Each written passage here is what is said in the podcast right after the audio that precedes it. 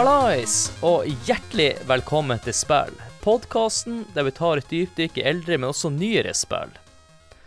Og podkasten Spillet drives av meg, Adrian Haugen, og Håkon Puntervold, som ikke er med på denne episoden.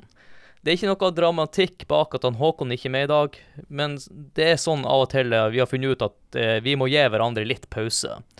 Så neste episode kommer kun med han Håkon, så da får jeg en liten pause. Men tilbake til det vi skal snakke om i denne episoden. Det, vi skal ta for oss det første spillet i Bioshock-serien. Og snakke om det spillet som starta det hele. Eh, For min del så retta jeg oppmerksomhet rundt det spillet pga. at det var få spill på den tida som eh, vistes eh, på TV som reklame. Og for meg så var det noe mystisk med hele greia, med tanke på at byen ligger under vann. Og spillet har jo også en ikonisk fiende, som vi skal snakke om litt seinere. Og så er det jo noe med horrorsjangeren som jeg finner veldig interessant, men som regel aldri tør å spille sjøl. Jeg liker å se andre spille det. Så jeg har faktisk også fått spilt spillet eh, før innspillinga. Om det er et horrorspill, eh, det kan vi kanskje diskutere litt senere. Jeg vet ikke helt hva jeg skal kalle det for. Om det er bare en first person med RPG-elementer og litt horrorelementer. Men jeg ønsker i at du som lytter uh, would you kindly høre resten av, e- av episoden. Og i spill så har vi alltid med gjester, stort sett. Og det her er jo ingen unntak. Jeg har ikke så gode presentasjoner som han Håkon, men jeg skal prøve å, i hvert fall å få introdusert episodene. Førstemann ut er ikke så lenge siden vi hadde med i podkasten, der vi snakker om Portal. Eh, Velkommen tilbake, Terje Høybakk fra podkasten Spillegal. Hallo! Det var lenge siden sist. Ja, lenge siden sist. Det er nå ikke så lenge siden sist. Du var jo med og møtte oss på tilkast. Det er vel bare en to uker siden eller noe sånt. Ja, det er, det er vel ikke det engang. Ja, stemmer. Sa jeg rett med tanke på podkasten? Ja visst. Spillegals podkast. Jeg sa podkasten Spillegal, så Ja, da retter det opp der. Ja. jeg tror det går bra. Denne episoden skal vi snakke om Bioshock. Har du lyst til å dele litt med meg og lytterne om eh, dine førsteinntrykk fra spillet? Hvordan, eh, hva var det som gjorde at du rettet oppmerksomheten mot det spillet? Vel, det var jo et eh, stort fokus på spillet i spillmedia på den tida. Det, alle nettsidene og, og diskusjonsfora og sånt og skrev jo side opp og side ned om det. Så det, en kunne jo ikke unngå å få med seg at det her eksisterte, og var en stor ting som eh, var verdt eh, tida. Men eh, jeg var faktisk litt skeptisk til om jeg skulle bruke penger på det, for jeg hadde en litt eldre PC akkurat på den tida, og eh, noe av det de skrøt av var jo hvor eh, fant, fantastisk flott og, og ny grafikken og sånt, nå var det her, så jeg følte meg trygg på at PC-en min egentlig ikke kunne kjøre det, så jeg valgte faktisk først å ikke kjøpe det. Men uh, så ble jeg oppmerksom på at i uh, de diverse nettverka jeg hadde tilgang på, så gikk det an å dra ned en piratkopi. Ja, du tok uh, den metoden. Det var rett og slett for å få testa det som en demo, rett og slett. Kunne bare se om, om PC-en i hele tatt kunne dra det, og det, den gjorde det. Så jeg sverger, jeg kjøpte det etterpå. Fikk du sett de her eh, TV-reklamene? Husker du noe tilbake til det? Nei, jeg kan ikke huske det, eh, for å være ærlig. Jeg begynte å se mindre og mindre på TV jo lenger ut på 2000-tallet vi kom, så det er ikke, kan hende jeg allerede ikke så særlig på TV den gangen der. Ja, kanskje vi er nødt til å spørre den andre gjesten som skal være med på episoden her da, Terje. Hmm. For neste gjest ut, han har vært med, ja, hva de fant ut, tre år siden. Han var med på Commander Conquer-episoden, der vi også snakker om Red Alert. Han driver podkasten CD Spill, som snakker om gamle PC-spill, og ikke CD-spill som både jeg og Håkon trodde en liten periode her. Hjertelig velkommen tilbake, Erik André Mamen. Ja, takk, takk. Det er godt at jeg har fått rydda opp i den misforståelsen om, eh, om den spilte, eller podkast-tittelen. For eh, ja, det er riktig, det er en DOS-kommando vi har prøvd å henvise til. Så, men eh, ja, ja. I, ikke en CD-rom. Nei, men det, det funker jo ganske greit, da, for det er jo er litt overlapp med den næran. så jeg har jo skrevet eh, CD eh, eller D-kolon, og så CD-trant på CD-rommet nå, så det, det funker det jo faktisk. Men eh, takk for å komme tilbake. Det, er ja, over tre år siden. Det, tida flyr. Ja, det var på tide. Det var jo artig å møte deg og han Sigve også på eh, Tilkast, for dere hadde jo også liveshow der sammen med oss. Ikke sammen med oss samtidig, men dere, hadde- dere starta det hele. Ja, vi åpna hele seansen, så det var jo veldig, veldig hyggelig å få, få bli invitert med. Og det var jo kjempegøy å stå på scenen. Og ja, det var veldig Jeg fikk med meg spill også, så det var kjempegøy å se, se så mange forskjellige podkaster samla på, på et sted. Ja, det var utrolig morsomt å i hvert fall møte så mange eh, fysisk eh, som har vært med gjest i podkasten før. Både du og han eh, Terje møtte jeg jo da, Stemmer. så det var jo utrolig morsomt. Jeg blir jo kalt Mr. Mamen under hele episoden, så eh, Det er det jeg går som, som regel. Men jeg lurer på, hvordan eh, tenkte du på å skaffe spillet? Var det noe i forbindelse med hypen, eller eh, var det i forbindelse med de spillene han jobba med før? Nei, altså jeg husker også veldig godt eh, PR-apparatet. Det var veldig effektivt. Jeg husker at dette var et litt sånn drømmespill. Eh, altså sånn, ja, Dette har jeg veldig lyst til å prøve. Men på det tidspunktet så hadde jeg, eh, ja, for så vidt i likhet med Terje en veldig Eller jeg hadde en ordentlig aldrende PC, så jeg hadde mine sterke tvil på at det gikk. Eh, så det var vel en, jeg prøvde vel en eller annen demo, eh, for de ga ut en demo som hadde det første brettet, eller noe sånt. Men der der eh, fikk jeg sånn to frames i sekundet-stemning, så jeg tenkte at det her er ikke noe vits. Men det var vel Jeg skal ikke påstå at det var grunnen, men eh, det tok ikke lang tid før jeg eh, kjøpte en splitter ny PC, og da var vel dette det første spillet jeg spilte, tror jeg. Så det, det gleda jeg meg og Jeg gleda meg ekstra mye til en ny, ny PC den gangen, når jeg kunne, kunne få prøve dette som For hypen tok jo ikke akkurat eh, slutt uh, idet lanseringen kom, så jeg husker det var en snakkis i lang tid. Så eh, fikk du med deg TV-reklamen du, da? Nei, vet du hva, jeg kan ikke huske å ha sett noen spill-TV-reklame i det hele tatt, nesten. Så nei, det har jeg ikke fått med meg. Ja, merkelig nok, det vel kanskje bare jeg som sett den TV-reklamen. For på, eller sånn generelt så er jo jeg litt dårlig å følge med på spillnyheter, så det er jo egentlig litt flaut. Så der bør jeg jo bli flinkere og sjekke ut uh, spillnyheter egentlig daglig. Det var jo rett og slett god gammeldags TV-reklame som fikk meg til å bli nysgjerrig på det, men det virka jo så skummelt, så jeg torde ikke å spille det. Og det her er jo et spill jeg har eh, ja, tenkt på ganske lenge å lage en episode om, og jeg tenkte at det her var ei flott anledning til å sjekke ut Biosjokk Bioshock og bli bedre kjent med spillet, og så håper jeg jo at eh, de som hører på episoden, eh, kanskje også blir mer nysgjerrig på spillet, de som ikke har spilt det, og kanskje tester det ut igjen. Og jeg er litt usikker på når de episoden kommer ut. Det kommer ut på tirsdag. Og hva er datoen da på tirsdag? Jeg er usikker. Den, den 13., for det er på den 14. juli går tilbudet ut på Steam. For nå kan du få kjøpt Bioshock 1 til 35 kroner. Så hvis dere hører episoden samme dagen som episoden kommer ut, så skynd dere på Steam og kjøp det for 35 kroner. Ja, og det er vel snakk om en remaster også, så den eh, Ja. er jo eh, ja, laga for eh, mer moderne hardware.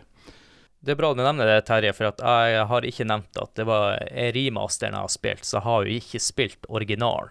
Så jeg vet jo ikke helt hvordan endringer som er gjort mellom de to spillene. Det kan, det kan at vi går inn på det litt seinere. Men før den tid så tenker jeg at jeg skal ta dere igjennom, og lytterne igjennom, hvordan Bioshock ble til.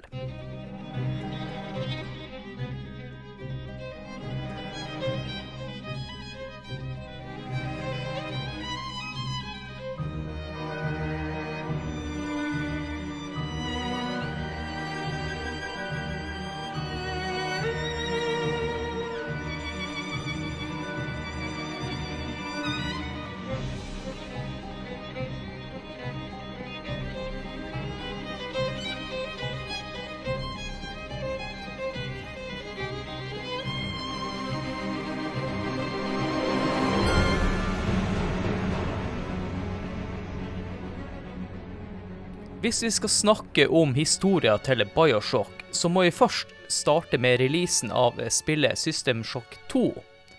Og dette var det første spillet til spillselskapet Irrational Games, som var ledet av Ken Levine. System Shock 2 eh, gjorde det egentlig ganske bra med tanke på kritikker etter release, men dessverre så solgte spillet svært dårlig. Og det her medførte jo at eh, publisheren EA ikke var særlig lysten på å støtte et nytt System Shock-prosjekt. Det er heller ikke til å legge skjul på at nedturen til System Shock 2 gjorde at selskapet var kommet i en vanskelig finansiell situasjon. Og nå handla det om at selskapet måtte overleve, og derfor takka de ja til mange spillprosjekter som de anså som mindre interessante. Tida gikk, men han Ken Levine hadde ikke gitt opp drømmen om å lage en spirituell oppfølger til System Shock 2. I 2002 så begynte han å jobbe med et konsept, og settinga til spillet skulle rundt en romstasjon som ble drevet av en kult. Og protagonisten skulle være en deprogrammerer, der hans rolle var å få folk vekk ifra denne kulten. Og basen skulle bestå av droner som brakte verdifulle ressurser, og som ble vokta av en bodyguard. Etter hvert så ble narrativet endra til at romstasjonen skulle bli invadert av muterte monster, og du ble sendt på vegne av en senator for å rydde opp i det her. Dessverre for Irrational Games så sleit de veldig med å få solgt dette konseptet til publishere. Og det her var jo fordi at de publisherne fortsatt hadde System Shock 2-fiaskoen friskt i minne. Derfor måtte de tenke annerledes og prøve noe nytt, og en litt mer utradisjonell tilnærming. Så de kontakta en veldig populær spilljournalist, som de visste var en stor fan av System Shock 2. Og han ble invitert til å få en demoframvisning av deres neste spillprosjekt. Og demoen de hadde laga, var laga i Unreal 2-engine, og var en kort presentasjon hvor spilleren kunne bevege seg inn i et lite rom uten vindu. Når denne artikkelen kom ut, så hadde den overskrifta om et nytt System Shock 2 var under arbeid. Og planen hadde lyktes, og fanbasen gikk av skaftet. Og denne mottakelsen fra fansen vekka også oppmerksomheten hos publisherne nå. Denne gangen så valgte de litt annen tilnærming til de interesserte publisherne, i stedet for å pitche handling og story, så valgte de å selge inn et konsept. Og konseptet besto av tre stikkord. Drone, Protector og Harvest. En av grunnene til eh, det her var at handlinga og storyen enda var under arbeid, og dermed vil de stå mer fritt i fremover i tid til å endre det her underveis. På dette stadiet så var handlinga satt til et gammelt nazilaboratorium fra andre verdenskrig, som hadde stått urørt siden krigen. Og på dette stadiet var det en del spillmekanikker som allerede var på plass, som ble med videre i Bioshock 2. Karakteren han skulle bli veileda av en radio, og unngå å bli oppdaga av sikkerhetssystemet, og innføring av plasmids og EVE-systemet. I 2004 så landa Irrational Games en avtale med publisheren 2K Games, og dermed kunne de sette i gang for alvor med prosjektet og spillet skulle utvikles på en veldig modifisert Unreal Engine 2,5, siden de allerede hadde erfaring med denne grafikkmotoren. I tida etter, så når det kom til story og design, så endra den seg veldig ofte i denne fasen, siden Irrational Games sin visjon var at gamedesign hadde hovedprioritet. Og det her leda jo til en stor frustrasjon hos level-designerne, som konstant måtte gjøre store endringer. Utviklingsteamet hadde også store utfordringer internt. Da prosjektet starta, så var de rundt seks personer, og på slutten så var de rundt 60 personer. Og det her medførte også til interne splittelser, og teamet jobba ikke som en enhet. I Rational Games de sleit litt med å finne veien videre, men det her skulle faktisk endre seg. Fordi at det var to level-designere som valgte å komme opp med egne ideer. Og det her resulterte i et rom som befant seg i en undervannsbase, og i ettertid ble en del av T-Garden i det endelige spillet. Og når han Levin fikk se resultatet, fikk han en åpenbaring. Han innså at de var på feil kurs, og at undervannsbysettinga var veien videre for prosjektet deres. I starten av 2007 så var spillet klar for spilltesting, og etter denne testen var over, fikk de negative tilbakemeldinger, som medførte at de måtte gjøre store endringer. Og noen av her tilbakemeldingene gikk ut på at spillet var veldig mørkt, det var vanskelig å finne veien videre, og at han Atlas ikke var nok troverdig. Og den siste detaljen her skal jeg komme tilbake til litt senere i episoden. De her eh, negative tilbakemeldingene fikk jo en del konsekvenser en av disse konsekvensene var at Ken Levin beordra teamet til å innfinne seg med en cruncheperiode fremover. Og det hjalp jo heller ikke på at 2K eh, Games ønska at teamet skulle bruke mer tid på polish, noe som resulterte i enda mer crunch. Og dessverre i ettertid så slutta mange etter prosjektet var slutt, pga. denne hendelsen. Den 21. august i 2007 så blir Bioshock utgitt, og prosjektet hadde kosta totalt 25 millioner dollar Og Levin har fortalt i ettertid at han ønska at de hadde seks måneder til med utvikling. Han følte bl.a. at sistebosskampen trengte mer jobb, og masse annen polish med våpen. Og på tampen her så vil jeg også nevne at Bioshock høsta også inn en god del awards det samme året. Og da lurer jeg på, er det noe fortalt dere nå som var nytt for dere, eller er det noe annet dere har lyst til å kommentere med tanke på det jeg har eh, fortalt dere nå? Ja, hva kan jeg si? Uh, nei, det, er, det, var mye der som jeg ikke visste. Jeg har ikke uh, gått noe så veldig dypt i bakgrunnen på utviklinga av det her. Annet enn det en har fått med seg i intervjuer av, uh, av han Levin her og der. Men jeg, jeg syns å huske han nevnte at uh, han var ikke så veldig interessert i å fortsette på et nytt sånn uh, sjokk-type spill, altså System Shock-spill. Egentlig fordi System Shock 2 gjorde det såpass dårlig. Så selv om det fikk veldig bra kritikker, så solgte det jo dårlig, som du sa. Så uh, utviklingsteamet hans, han måtte egentlig overtales. Ja, de, de, var jo litt sånn eh, skada i forbindelse med hendelsen, og så fikk de jo jobba med andre spillprosjekter. Jeg mener det var vel SWAT 4 som var deres største game, ja, fram til de begynte med Bioshock.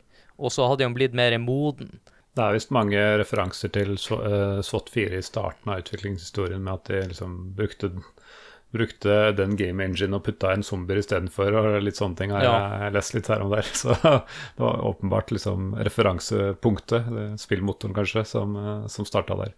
Ja, det var på et eller annet tidspunkt et spill, et, om det var samme spill eller et lignende spill, hvor de handla om eh, noe Det hadde bare arbeidstittel 'varulver og vampyrer', eller noe sånt.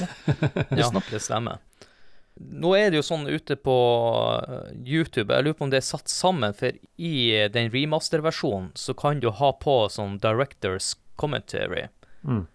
ja. der de snakker litt om spillet. Jeg lurer på om det er den jeg har sett som har satt sammen.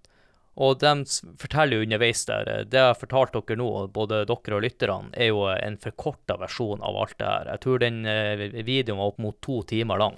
Ja, da stemmer Så, så det her er bare sånne, her er bare sånne key moments. Men det som mm. er interessant, er jo mange ganger jeg gjør research, så har de egentlig ideen om handlinga hvordan det skal være ganske tidlig i prosjektet, mens her virker som de falmer litt i blinde. De var jo inne på mye rart her før de endelig landa på det her uh, undervannsbykonseptet, da. Ja, men det virka jo som at de fokuserte mer på settingen, eller mekanismene, da, som du nevnte. Og at uh, historie og setting eh, egentlig kom litt i annen rekke. Det er litt interessant, for det virker, det, så, det virker, så, definerende for det spillet her. At det skal foregå i, ja, under vann og sånne ting. Og så, og så er det liksom noe som de fant på underveis, eller mot slutten, eller et eller annet. Mm. Det, det, høres uh, ja, det er, det er fascinerende når, når det, det, liksom er det mest ikoniske med det spillet her. Altså det du tenker på først, eh, kanskje, eh, er den settinga. Så ja, bra, bra jobba med å sy det sammen. Det kan jo ikke ha kommet veldig seint i utviklinga. Altså, de skal jo ha mulighet til å få skissert opp og designa dette greiene her. Når, når det satte i gang, så tror jeg ikke det tok så lang tid. Men det tok jo litt tid, for det, det, var jo frustrasjon internt med tanke på måten det ble leda på. Og etter hvert som eh, arbeidsstokken blir større, så snakka de ikke sammen. Og det var jo da jeg fortalte jeg med de to level-designerne. De eh, ble irritert, for de måtte gjøre endringer hele tida. Ja.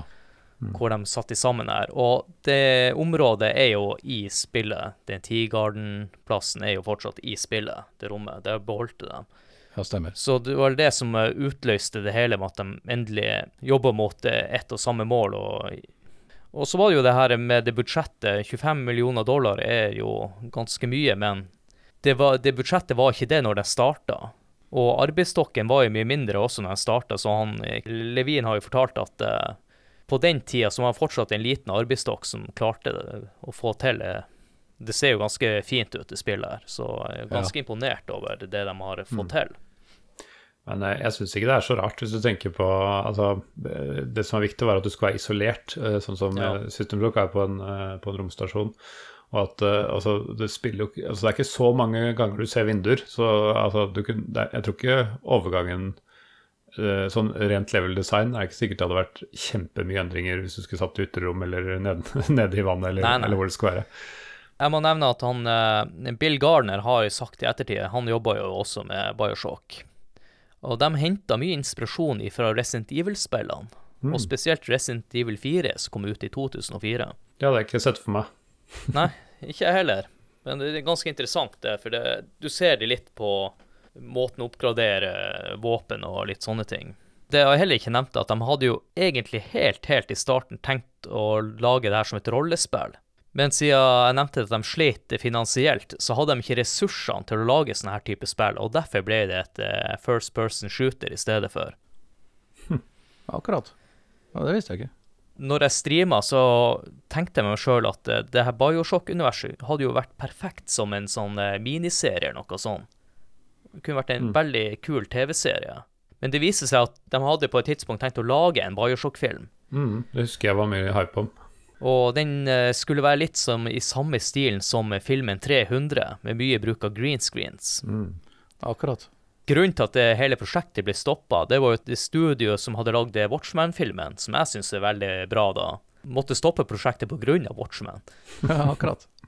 Det hadde vært interessant, og jeg håper ikke at uh, filmselskaper har gitt opp det prosjektet. For jeg, jeg, tror de har mye de kunne ha spilt på der som kunne vært interessant. B mm. Både det som skjer før uh, spillet, og så kanskje etter to-tre sesonger hoppa inn der det som skjer i spillet. Det kunne vært en bra twist. Jeg ville nok heller gått for en mer påkosta TV-serie da, over mm. to-tre sesonger, enn en, en enkel film. Eller filmtrilogi, eller ja. hva. For det det tror jeg blir for lite. Den, den settingen er ganske mm. brei, mm. sånn sett. Mm. Det er bra du nevner setting, Terje. fordi at Mr. Mamen har lyst til å ta oss igjennom settinga og plotta av spillet. Ja, jeg kan jo godt gjøre det. Fordi eh, For å bli kjent med hva dette er, så er det ikke noen sånn lang eh, timeslang eller lang introsekvens som forteller det. Du, du oppdager jo liksom bakgrunnshistorien underveis gjennom sånne lydlogger, audiologs, som ligger spredt, som er fleste av dem er helt valgfrie å ta. Så så hvis man bare skal speedrushe det her, så får man ikke med seg brøkdelen. Sånn som jeg gjorde under stream. ja, for eksempel. Så nå er det sikkert spent. I tillegg så kom det den kjøp, Jeg kjøpte faktisk en bok for noen år siden som heter Bioshock Rapture, som er den offisielle liksom okay. Som tar for seg noen Jeg tror det er en mindre karakter i, som, fra, fra han jobber som rørlegger i New York til han eh, ender sitt liv på, i, i, Rapture, da, for å si det sånn. Men, eh, men uh, ja, det meste kommer fra Det er, det er litt sånn Connected Dots-stemning på mm. den boka, da. Så uansett, da. Så begynner hun med Andrew Ryan, grunnleggeren av denne undervannsbyen Rapture, som, som åpenbart er bemidlet. som Så hvem bygger en hel by under vann, liksom? som begynner å bygge Rapture rett etter annen verdenskrig. Eh, gjemt i Nord-Atlanterhavet eh, mellom Grønland og Island. For han vil bort fra dette skal vi si, tyranniet som han ser eh, verden ellers som. Han vil bort fra hva er det de sier i introen, da? Eh, sweat over your brow-speechen. Han kunne sikkert limt den inn hvis du har lydklippet, men Jeg kan godt gjøre det nå. Ja. I am Andrew Ryan, and I'm here to ask you a question. Is a man not entitled to the sweat of his brow? No, says the man in Washington, it belongs to the poor. No, says the man in the Vatican, it belongs to God. No, says the man in Moscow, it belongs to everyone. I rejected those answers. Instead, I chose something different. I chose the impossible. I chose rapture. The artist would not fear the censor, where the scientist would not be bound by petty morality, where the great would not be constrained by the small. And with the sweat of your brow, rapture can become your city as well. So da får du kanskje en eh, formening om uh, hva han vil, for hans uh, mål er jo Han vil være fritatt fra alle mulige myndigheter. Da. Han vil ikke at noen skal svare til noen annet enn seg selv. det er kanskje mottoet hans. da.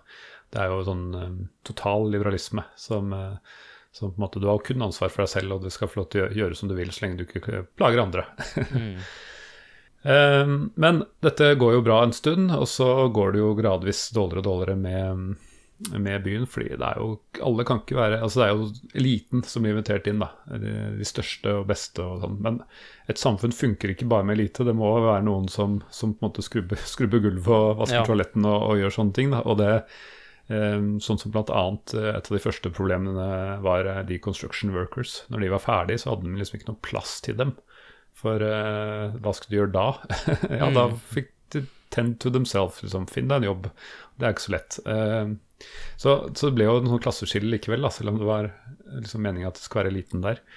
Og da blir det jo friksjoner, som det jo, jo blir. Og sakte, men sikkert da, så bryter liksom denne utopiaen sammen. Um, på mange måter.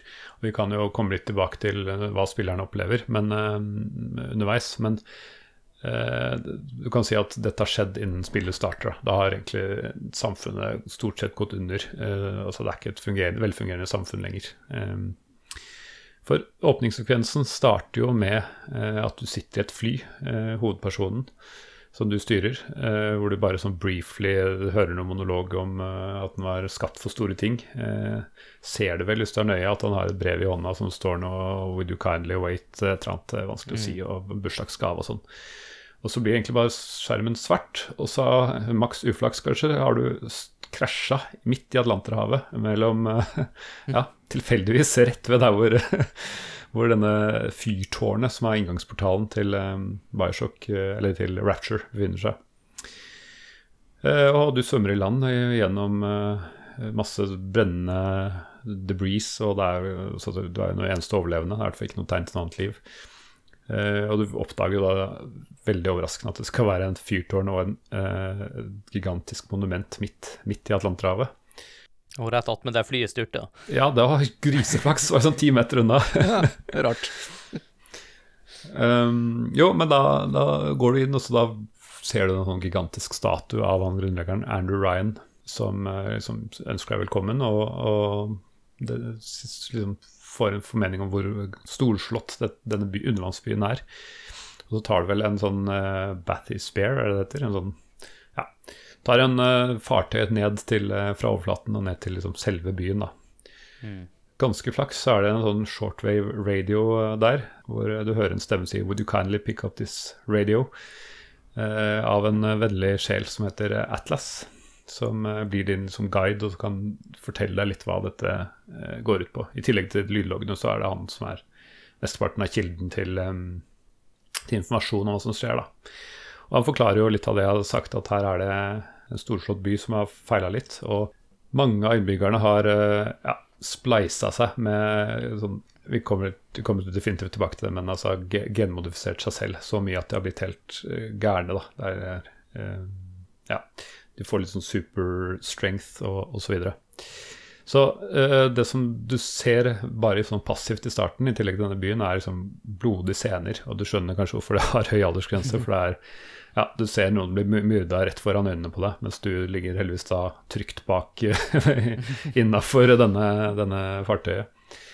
Eh, Men du skjønner jo fort at hvis du skal overleve her, så, så kan du ikke være snill. Du må du tar opp uh, Would you kindly pick up a wrench or something? er liksom noe av det første du får, får beskjed om. Og, så, eh, og så skaffer du deg noen våpen, og så blir du snart kjent med disse plasmids, da, som eh, ja, Hvis du skal spille mekanisk, kan vi kanskje kalle det for eh, superpowers, da. Altså at du, du får noe ekstra. Eh, vi kan jo gå litt inn på akkurat hvordan det funker etter hvert. Men det gir deg egenskaper, og det er vel electricity, altså at du kan skyte eh, strøm ut fra hendene dine, som er den første du får. Og så er det litt, eh, litt valgfritt hva du får eh, underveis. Noe eh, krever å kjøpe litt, og noen krever får du hvis du gjør visse ting, og så noen må du lete frem og sånn. Men du har et lite arsenal av superkrefter du kan få, i tillegg til å ha konvensjonelle våpen, altså pistol og maskinpistol og flere ting utover spillet. Da. Så det er på en måte to angrepsmoduser. Nå har jeg brukt lang tid bare på de første minuttene, men jeg kan jo speede opp litt der. Da. Så det, det som er da, er at eh, Atlas, eh, som eh, er kanskje den eneste hyggelige mennesket du treffer, skal du liksom Det er liksom hjelpe hverandre, da, for han har familie, kone og barn som er Jeg tror de er holdt fanget i en ubåt eller noe sånt. Eh, eh, ja. Så, så, så det er liksom du må hjelpe til å få befridd dem, og så får du liksom hele tiden eh, liksom løfte om at vi skal møtes snart, men så er det et eller annet som forhindrer deg. Litt sånn, litt sånn merkelig, men eh, jeg har vært borti spill før at du, som aldri møter folk som er mest uh, Altså, det, det, kan være en helt grei spillmotivasjon uh, bare for å, for å komme videre. Men så blir du jo kjent med Andrew Ryan, som også har lagt merke til at du har kommet, kommet hit, og han også kommuniserer litt med deg. og han er jo rasende at du kommer inn som en spion eller en assassin som er ute etter å ta meg, og han har blitt ganske, på dette tidspunktet har han blitt ganske paranoid. Og så får du gradvis da høre om um, de tingene som har skjedd tidligere. Uh, blant annet så er det um, en av de mest kanskje vellykkede entreprenørene het Frank Fontaine. Han begynte som uh, å selge fisk, så han fiska rundt omkring, så han fikk jo da adgang til å gå ut i havene utenfor. For det var én eneste regel eh, i Rapture, og det var at du aldri kunne forlate Rapture. Det var liksom forbudt, for det skulle være en hemmelig by.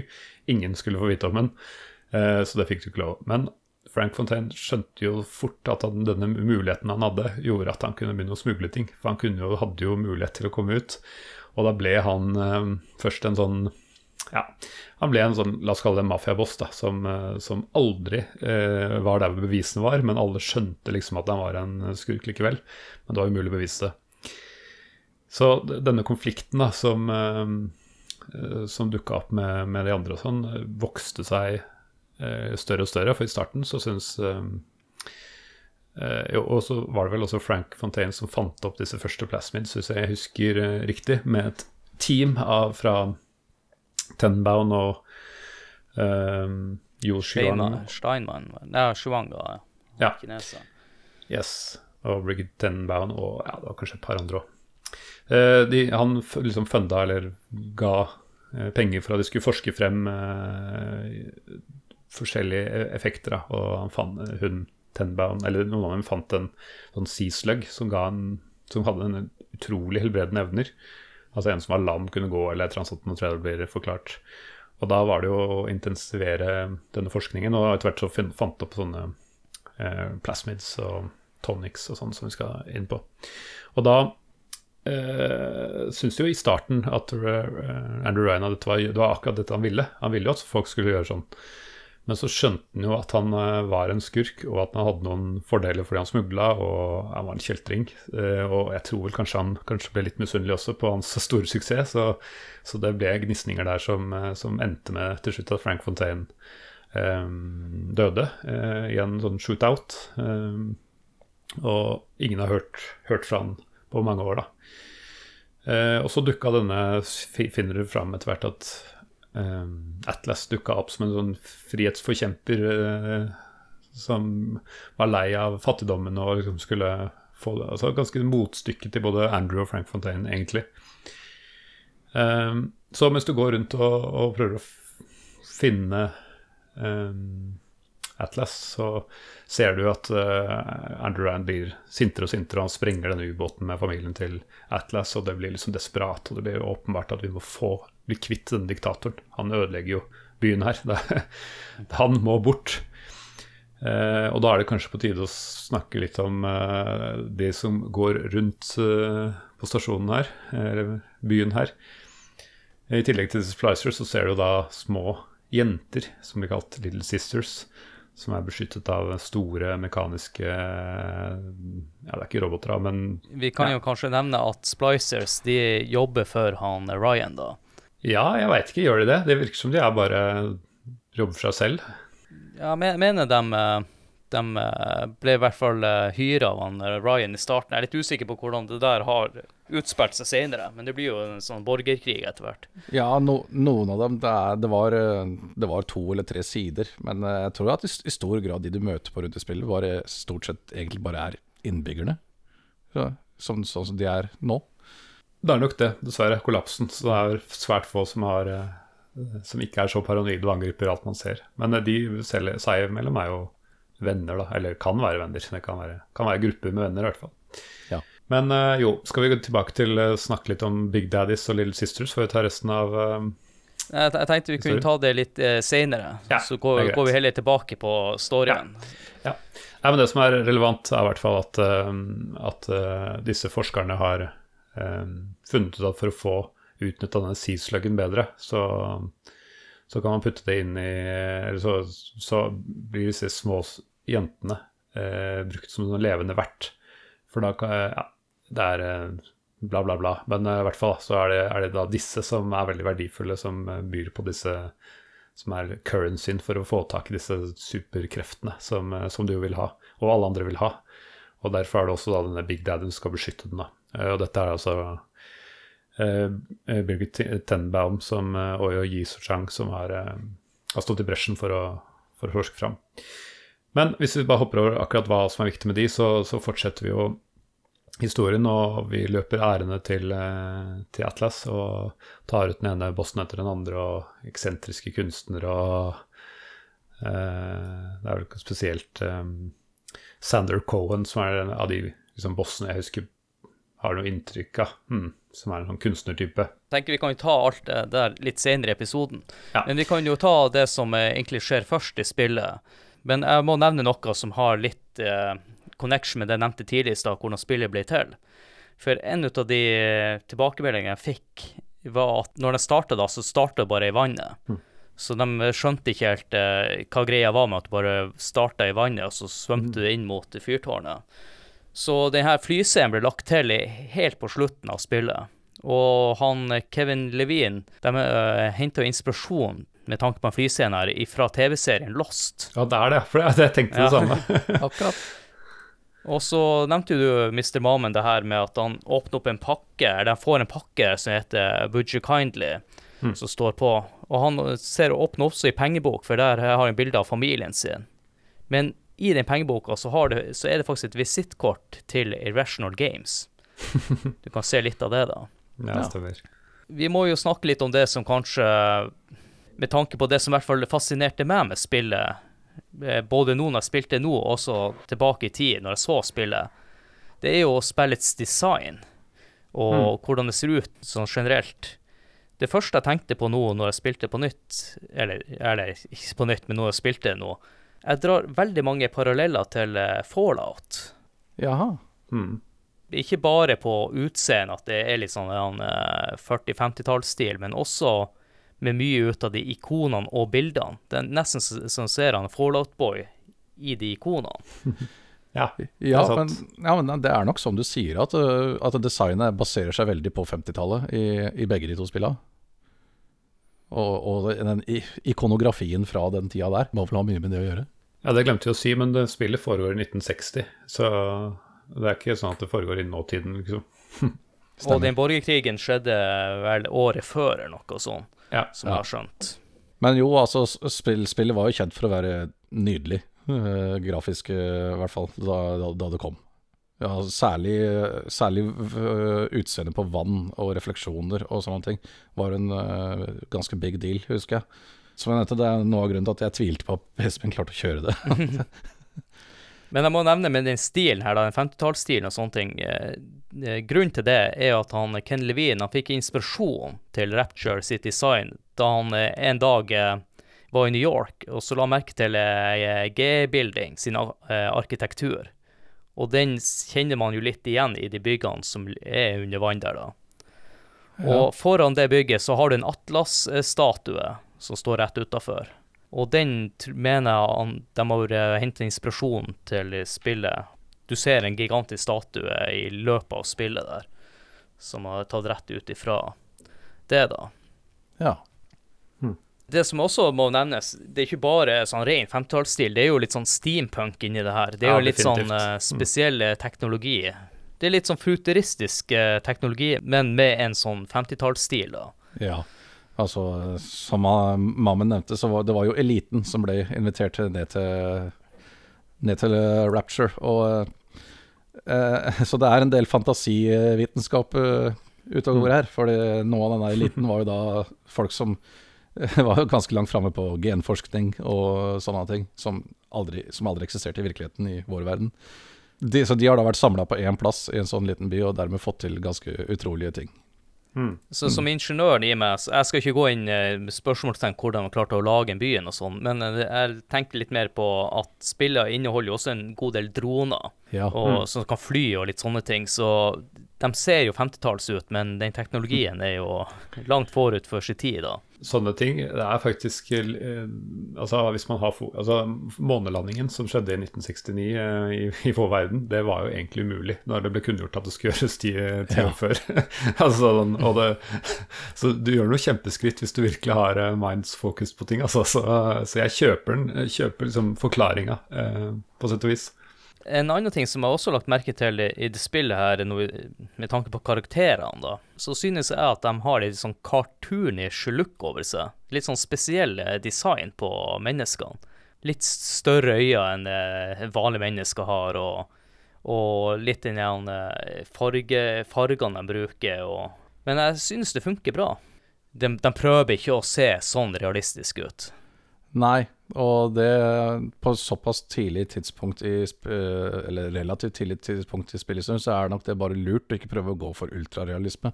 For te teknologien var nok ikke helt der ennå.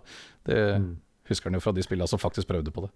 Ja, for, for min del så synes jeg at uh, den klarer å skille seg ut med den looken. Jeg føler at den treffer på da, med den looken, da, rett og slett. Ja. Jeg eh, også som har spilt denne remaster-versjonen, eh, der følger det med sånn museum, hvor du kan se en del sånn tidlige konsepter og sånn. Og der gikk de for mye, eh, mye mer monsteraktige ting i starten. Så jeg Ja. syns, det er litt kult at de har i hvert fall prøvd å få det til å se menneskeaktig ut, da. Eh, Selv om de kanskje Ja, det er sjelden at de kommer så nært på at jeg har observert hvor store øyne de har, skal jeg innrømme. Nei, nei, det var bare noe jeg la merke til, og spesielt med Little Sisters, når, mm. når du Ja, ja. eh, kommer tett innpå dem. Det er egentlig da jeg så det mest. eh, Ja. Ja, for eh, disse splicerne har gjerne hatt et ublidt møte med et diger skiftenøkkel innen en får sjanse til å se nærmere på dem. Så. Ja, det er sant. Ja. Eh, En, en ting jeg har også lagt merke til med spillet, de fikk jo for så vidt kritikk på det her punktet også. Jeg syns det er ganske mørkt. Det er veldig mye Det er lite lys. Ja.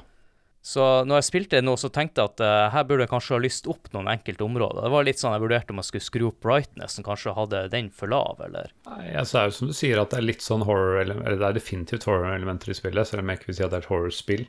Så det er klart at da hjelper jo lite lys eh, ganske godt på stemninga. Ja, altså de bruker, Men- noen sånne, ja, de bruker noen sånne mekanismer for å skape stemninga, ja, men eh, Nei, det, spillet har jo ingen lyskilde, du har ikke noe lommelykt eller noe sånt med deg i det hele tatt. Og Nei. du trenger den egentlig ikke, altså. De, disse områdene som er veldig mørke, ja, men du får famla deg fram. Det, det er jo en del av greia. At du ikke, at ikke du ser ordentlig, det er jo Det er vel bevisst. Hvis noen har tenkt å spille, så ville jeg anbefalt å skru opp brightnessen litt. Eh, jeg vet ikke om det har med alderen at eh, jeg ser dårligere i mørket noe sånt med årene. En annen ting som jeg har eh, lagt merke til, eller det er jo generelt level design på spillet.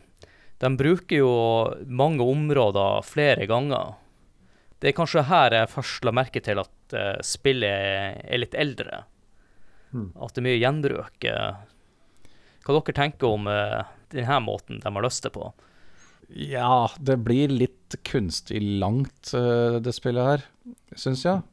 Mm. Det, det har med det å gjøre, da. At det, det er ikke eh, nødvendig å ha all denne backtrackinga og gjenbruken når spillet blir eh, såpass langt som det egentlig er til å være en eh, FPS. Mm. Det, de kunne, de kunne grunn, grunn kort ha gått eh, greit inn på det der, spør meg. Jeg er jo helt enig, for at eh, når jeg spilte, så begynte jeg å lute en god del. Mm. Men egentlig så har du ikke trengt å gjøre en luten, for at du blir sendt tilbake i den retninga. Så den exploringa Jeg føler jeg blir ikke belønna. Det, det er gøy du sier det, for at jeg var litt samme. Altså jeg gikk, du har jo en, eller Det er jo valgfritt, men standard så viser du en pil hvor du skal gå. Uh, og jeg pleier alltid å gå alle andre veier enn den for å få med alt. Og så etterpå så måtte jeg bare tilbake til de stedene. Eller. De aller fleste ja, plasser er bare noen få hemmelige områder som, som du ikke blir geleida til. Jeg også gikk for en sånn eh, completionist-greie, husker jeg. Og jeg så eh, Eller jeg spilte denne remasteren igjen for fire år sia. Så da åpna det på Steam igjen nå for å for bare å teste det kjapt nå før, det opptaket her, så så jeg at jeg hadde 25 timers eh, spilletid på det. Å, såpass. Jeg husker ikke om det bare var i en enkel gjennomspilling, eller om jeg utforska det litt mer med tanke på det museum som du snakker om, og directors commentary og sånt noe, men jeg må jo ha brukt nærmere 20 timer på den ene gjennomspillinga uansett. Og det er jo for å utforske og gjøre så mye som mulig, da. Jeg, jeg tror eh, de hadde tjent med å ha spillet kortere. Det er en annen mekanisme også som gjør, eh, gjør spillet unødvendig langt. Det er den derre kamera-research-biten. Var det noe dere investerte mye tid i? Jeg eh, researcha nesten alt, eh, også nå som jeg spilte gjennom. Eh, og det er fordi du får fordeler ved å gjøre det, men jeg er enig i at det, det tar tid. Det er nettopp det. Du har en ganske sterk motivasjon for å gjøre det, for du får store fordeler ved å gjøre det. Og det oppdaga jeg nå, for jeg, jeg måtte rushe litt mot slutten, så jeg måtte ignorere ganske mye av det der. Og mot slutten så begynte fiendene mine å bli rimelig sterke, altså. Fordi jeg hadde rett og slett hoppa over hele den biten. Så likevel så brukte jeg vel 12-13 timer nå. Men det som er viktig å informere lytterne om, det kameragreiene, er at vi får i oppdrag av en å ta bilder av fiender. Ja. Og, og det som skjer da, eh, er at eh, for hvert bilde du tar, så hva skal jeg si, det er en sånn parameter som går opp, opp, opp. Og det gjør at du får en bonus, sånn at den type fiende tåler mindre. Stemmer. og du har flere forskjellige nivåer og sånn på hvor mye. Så. Det er viktig å fortelle lytteren før vi bare går i, går i Ja. dybden på det kameraet, hvordan det fungerer. Og det, eh, det unlocker egne unike plasmids også Mm. etter hvert, hvis du bare Ja. fortsetter å forske videre på samme fienden. Så det, er, det er en stor motivasjon for å gjøre det. Men da blir også spillet dritlangt, altså. Det blir litt for langt eh, i forhold til eh, det jeg liker. Jeg ser jo også nå, jo eldre jeg blir det også, så setter jeg mer pris på litt korte spill, men som drar det gjen- gjennom historien. Litt sånn som når jeg og du Terje spilte Portal. Det var tre og en halv time eller hva jeg brukte. Og Jeg syns det var en perfekt lengde. For hvis du skulle gå, hvis du skulle gått frem og tilbake i samme eh, områdene, så hadde du blitt lei. Ja. Ja, absolutt. Jeg er enig i at det er for langt, men eh, det jeg merka når jeg spilte, var at de siste levelene gikk mye fortere. Og det var ikke fordi jeg skippa mer, men eh, de er virker som Det som jeg, jeg trodde var siste halvdel av spillet, var kanskje bare en tredjedel igjen. da. Jeg, jeg trodde vi var halvveis, så hadde jeg en tredjedel igjen, hvis du, hvis du skjønner. Så Ja, skjønner. jeg Jeg, opp, jeg opplevde det samme, egentlig. Mm. Så, mm. For spillet, det har jo eh, Jeg tror det er 15 områder du er i til Ja. sammen, da. Og så du skal jo gå litt frem og tilbake, men jeg vil ikke skremme de som hører på episoden at det er sånn eh, groundbreaking ting. Det er bare noe du blir oppmerksom på underveis. Mm. Eh, Så jeg, jeg, ønsker, eller håper jo også at folk har lyst til å sjekke ut det spillet, for det er ganske spesielt. Og Ja. en ting som gjør spillet ganske spesielt, er jo De var kanskje en av de første shooterne som innførte flere RPG-elementer. Mm. Og synes vi at de har klart å løse det på en bra måte. Vel, det har kanskje ikke eldes ved verdighet, det, det systemet deres. Mm. Men eh, det fungerte glimrende den gangen det kom. Jeg syns det var ganske utrolig at du kunne f.eks. ha flere typer ammoer og bytte mellom disse vanlige våpnene og plasmids og sånne ting. Det ble, ble litt komplisert, og det er jo kanskje noe av det som er litt klønete. Men Ja, jeg syns det var veldig fascinerende at det var så mange ja, RPG-elementer i det som jeg aldri hadde opplevd i et utspill før, i hvert fall. ja altså så mange måter du kan kombinere de forskjellige tingene på, og, og som fungerer. De har tatt høyde for det, og fysikkmotoren øh, gjør det, det, det du vil den skal gjøre. Det var ikke akkurat noe man, eh, van, som var vanlig å se i spill på den tida der. Det har jo blitt veldig vanlig eh, etterpå. Ja. Så det, det er det man snakker om, at hvis, eh, når nye spillere kommer til det spillet her i dag, så er, de, får, de får ikke den opplevelsen at det er så revolusjonerende som det Det sant. Jeg vil fortsatt anbefale folk å gjøre det, da. Så klart. En ting jeg la merke til eh, når jeg spilte Jeg er jo vant eh, nå til dags at får du oppgraderinger sånn, så trykker du på pause, så går du inn i meny, og så har du et eh, oppgraderingstre du legger inn poengene dine. Men det som er spesielt her, at de har valgt å gjøre på en annen måte. De bruker vendormaskiner. Ja. Du må inn på dem for å kunne gjøre oppgraderinger eller endre eller bytte på eh, Mm. de her eh, plasmidsene du velger å bruke, osv. Hva dere tenker om det systemet?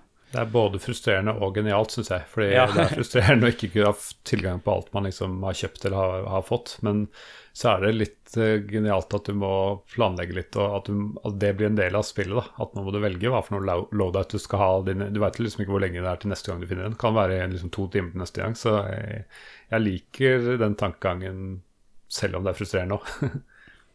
Jeg tenker jo at eh, vi må jo nå gå litt dypere inn på plasmids, for det er jo det som gjør eh, spillet ganske unikt i forhold til andre shootere. Du var jo inne på det i stad, Mr. Mamen, om det her han plasmidsgreiene. Men det må jo nevnes at han Jack i starten han finner bare en plasmids, og så tar han ei nål som Ja, det er kanskje den største nåla noensinne har sett Ja, det er sprøyta. ganske da. Ja, uten å stille spørsmålstegn og bare dryle den inn i armen. Ja. Ja, Det sier kanskje noe om hva slags person han eh, er. Så bare liksom hm, det her ser gøy ut. Spack. Men den får han ikke beskjed om Would you kindly put that needle in your arm, eller? Jeg tenkte jeg skulle unngå å si det. Du eh, Terje, du nevnte jo i stad at det var jo en masse plasmids. Ja. Men hadde dere vært borti noe av det her lignende før? Et system der du kunne bruke to forskjellige ting? Nei, ikke i farta. Altså, I hvert fall ikke i en, eh, i en førstepersons skytespill. Da, da var vi mer, mer over på sånn type rollespillopplegg isteden, i så fall. Men det, det jeg liker med det her, det her plasmidsgreiene og det de har fått til i det spillet her eh, Normalt sett, eh, hvis det er noen spill som har sånne her kombinasjoner, så er han som alltid velger å bruke våpenet og droppe de her eh, spesialtingene, som er alltid litt sånn uforståelig i starten, og man skjønner ikke helt. På en måte så klarer de å tvinge deg i starten, spesielt i starten når du kun har den der skiftenøkkelen og Ja. den eh. Og da bruker du strømgreia ganske mye. Så det jeg tror de gjør da, i hvert fall for meg som spiller, at du blir så godt kjent med strømgreia, at den har du med deg gjennom hele spillet. Ja. Mens, de, mens de andre plasmidsene får det inn på et senere tidspunkt der du ikke er tvunget til å bruke de her. Og da glemmer de litt av å ikke få testa dem ut ordentlig. Stemmer. Må nok innrømme at uh, ja, den uh, Electrojolt-helten, vel, den strømgreia, den, uh, den var med meg gjennom hele veien, ja. Det, var, det er den som blir mest brukt. Og så utrolig kult er at du kan bruke omgivelsene dine, som, som gir dem bedre effekt. I hvert fall med vann, og du har den elektrogreien. Hvis folk hopper i vannet, så kan du bare støte dem med det. Men det jeg slet med å se, det var de oljeflekkene. For du får noen sånn flammegreier også. Ja. Og jeg brukte det en gang på fiende, da tok jeg sjøl fyr, for jeg sto jo midt oppi en sånn oljepytt. ja, stemmer. Artig med de at de, selv når du har satt fyr på en, og det har slutta å brenne, så er fortsatt den oljeflekken der. Du kan sette fyr på den en gang til. Mm. Ja, så I motsetning til andre spill hvor den faktisk blir borte.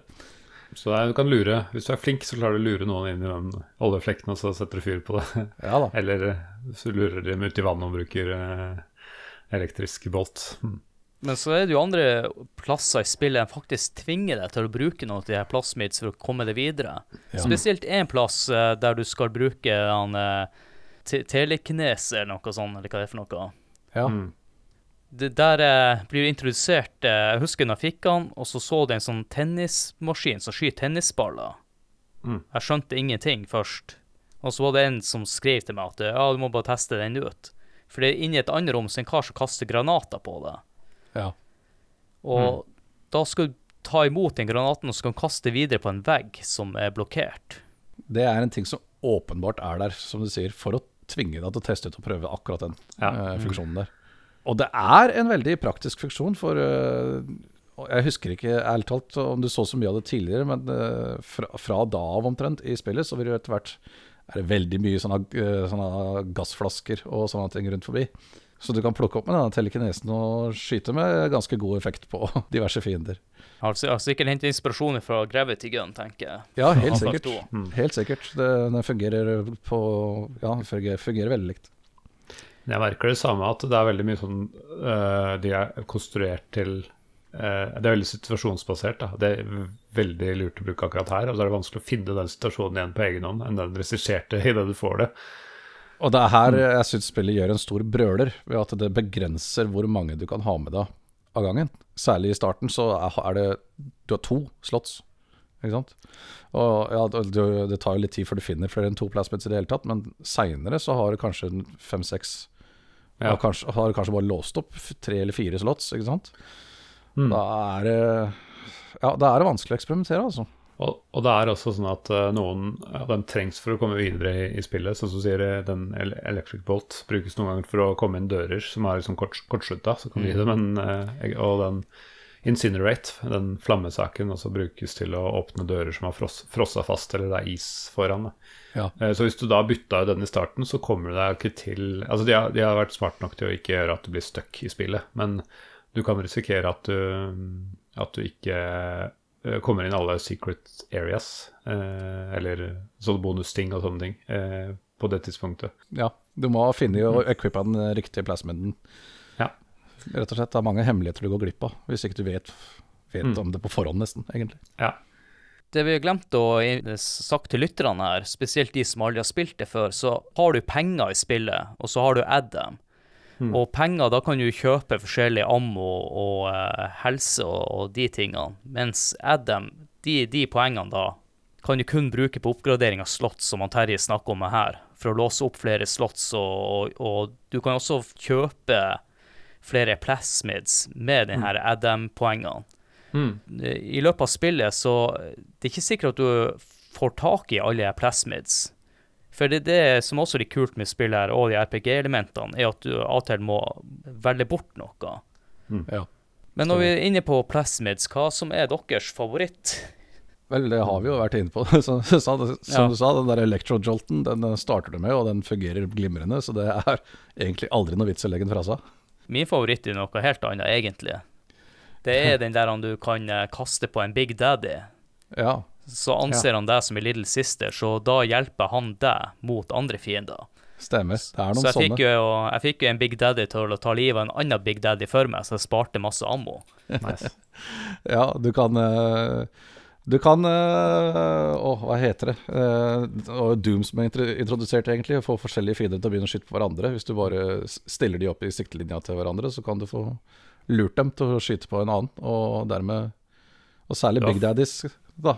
Kan du, hvis du får satt en eh, Satt opp en av disse her splicerne til å prøve å skyte til deg, og da dessverre treffe en Big Daddy isteden, så var jo det Mm. veldig trist for den spliceren. Men hvordan synes dere, eh, når vi er inne på combaten og sånn, hvordan synes dere den her fungerer i spillet?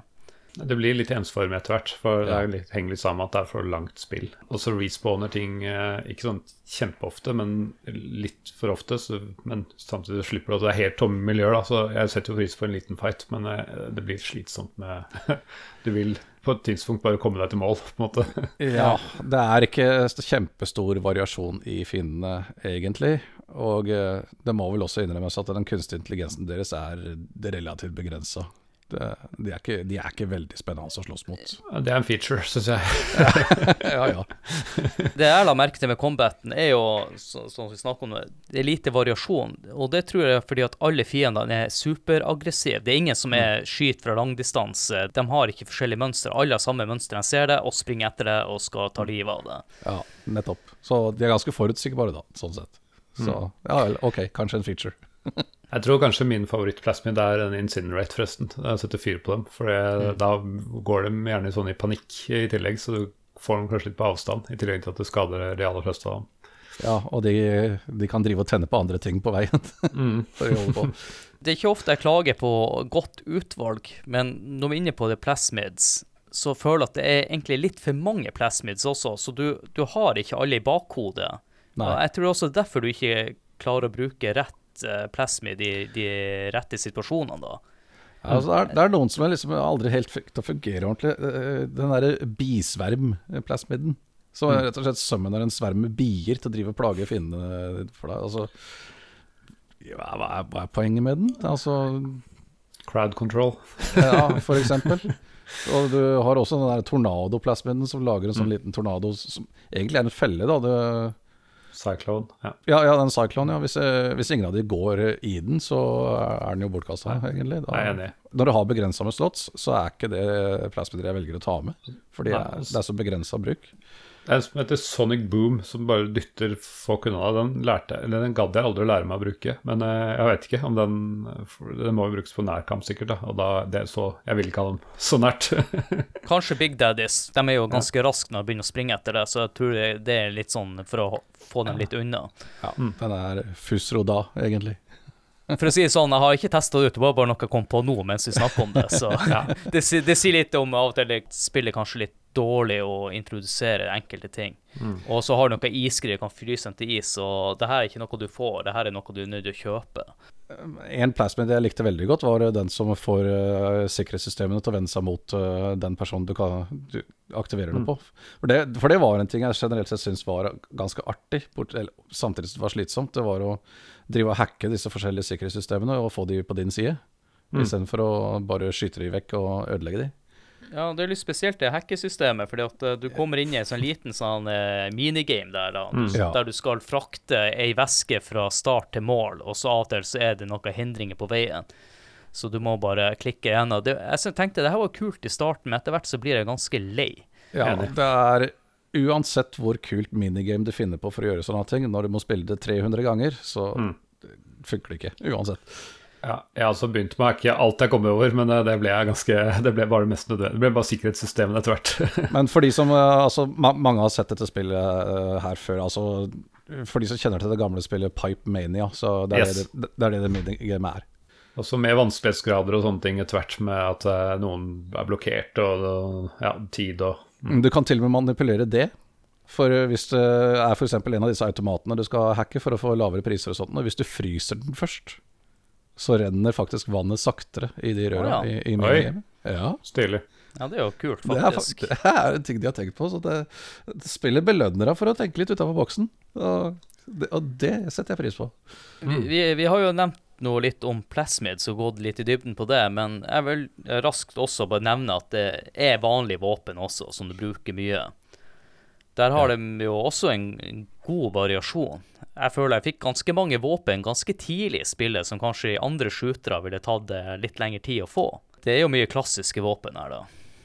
Ja, altså det, det kommer rimelig fort eh, over pistol, hagle og maskingevær. Som, som er, er, nei, det er en Tommy, Tommy gun. gun. Ja, Tommy gun, ja. Ja. Og de er lekre. Altså, de, du kommer langt. Du kan rundere spillet med ja, ikke pistol, men machine-gun og shotgun. Det, det, de er Ja. solide. Ja, de, de fungerer. Det, det er sant. Eh, Jeg begynte å slite på slutten eh, av spillet fordi jeg hadde begynt å rushe og gjorde ikke all den researchen som vi snakka om. Så på, på min siste gjennomspilling så var fiendene veldig sterke mot slutten. Da fungerte de våpna dårlig, altså. Da måtte du virkelig kjøre på med plasmids og eller, Vel, mot slutten av spillet så har du også funnet en armbrøst, som uh, egentlig er en snipe, sniper-rifle. Så, Ja. Sånn i FPS-sjargong. Som er også henta fra Half-Life 2. Ja. Armbrøsten i Half-Life Half-Life fungerer jo også som ei sniperrifle. Stemmer. I det spillet her så føler jeg at det er et våpen som egner seg svært dårlig, for stort sett i alle områder handler om close combat. Hele tida. Det er jo et hagle- og maskingeværspill, som han eh, Mr. Mamen her sier. Det er, de områdene er kun beregna for close combat, og da blir det fort sånn. Men eh, en god strategi, dere som liker så godt Electrobolt, er at de blir jo stønna. Eh, så hvis du tar en Electrobolt og umiddelbart bytter til crossbow, så er du liksom garantert et uh, treff med, med litt øvelse. Så det, det er god kombo. Stemmer. Det er eh, Det var trikset, ja. Helt Ja. riktig. det er jo det første spillet lærer deg òg. De kaller det jo en one-two punch, rett og slett. Ja, riktig. Ja, med, med en gang du har plukka opp den første plasmid, som er electro-jolten, og den digre skiftenøkkelen, så får du beskjed om det med en gang. Skyt de først med lynet, så det er stønna, og så klinker du til det med, Ja. med skiftenøkkelen, så er det ferdig. Det som driver spillet videre, er jo uh, storyen på mange måter. Hvordan syns vi uh, det her storyen og, og progressen uh, utspiller seg etter hvert? For min del så tenker jeg at det her er jo en av spillets sterke sider. Definitivt. Ja, grunnen til at jeg elsker Bioshock og ville spille det om igjen, er fordi det, den historien gjorde så inntrykk på meg. Og det er eh, altså, Heldigvis så er det ganske bra gameplay som gjør at du gidder, for det er litt lang, langt, som du sier. Men jeg er oppriktig interessert i å høre på disse audiologene og høre hva, hvordan har dette skjedd, hvordan har noen funnet på det her, sånne type ting. Så jeg, eh, det var motivasjonen min for å komme videre, både for å høre bakgrunnshistorien og, og se åssen går dette. Så Du nevner noe som er veldig viktig her, og for dere som har lyst til å spille spillet, hør de her, eh, de her ra- radiologene, de her kassettene. Ja. Fordi at det er utrolig viktig å høre dem og få storyen videre. Men grunnen til de valgte å gjøre det på denne måten og ikke ha for mange cutscenes med, det var fordi at de ikke ville bryte opp gameplayet. Mm. Sånn at når spilleren hadde fått drept folkene rundt, og det begynte å bli litt roligere, så kan du høre igjen av det her. Så du, ja, for du kan plukke dem opp, og så kan du høre Ja. når du vil. Eh, og jeg anbefaler jo da å plukke dem opp og så bare sørge for at du kan finne rundt deg, og så står du stille og hører på dem. Det tar jo spillet lengre tid, da, men, eh, men eh, hvis du skal få, få med deg der Ja, jeg er enig. Ja, de har faktisk vært så framsynte at uh, sjøl den spiller ikke automatisk heller engang, når du, når du plukker den opp. Så hvis ikke du velger å høre på den etterpå, så, så får du aldri hørt den.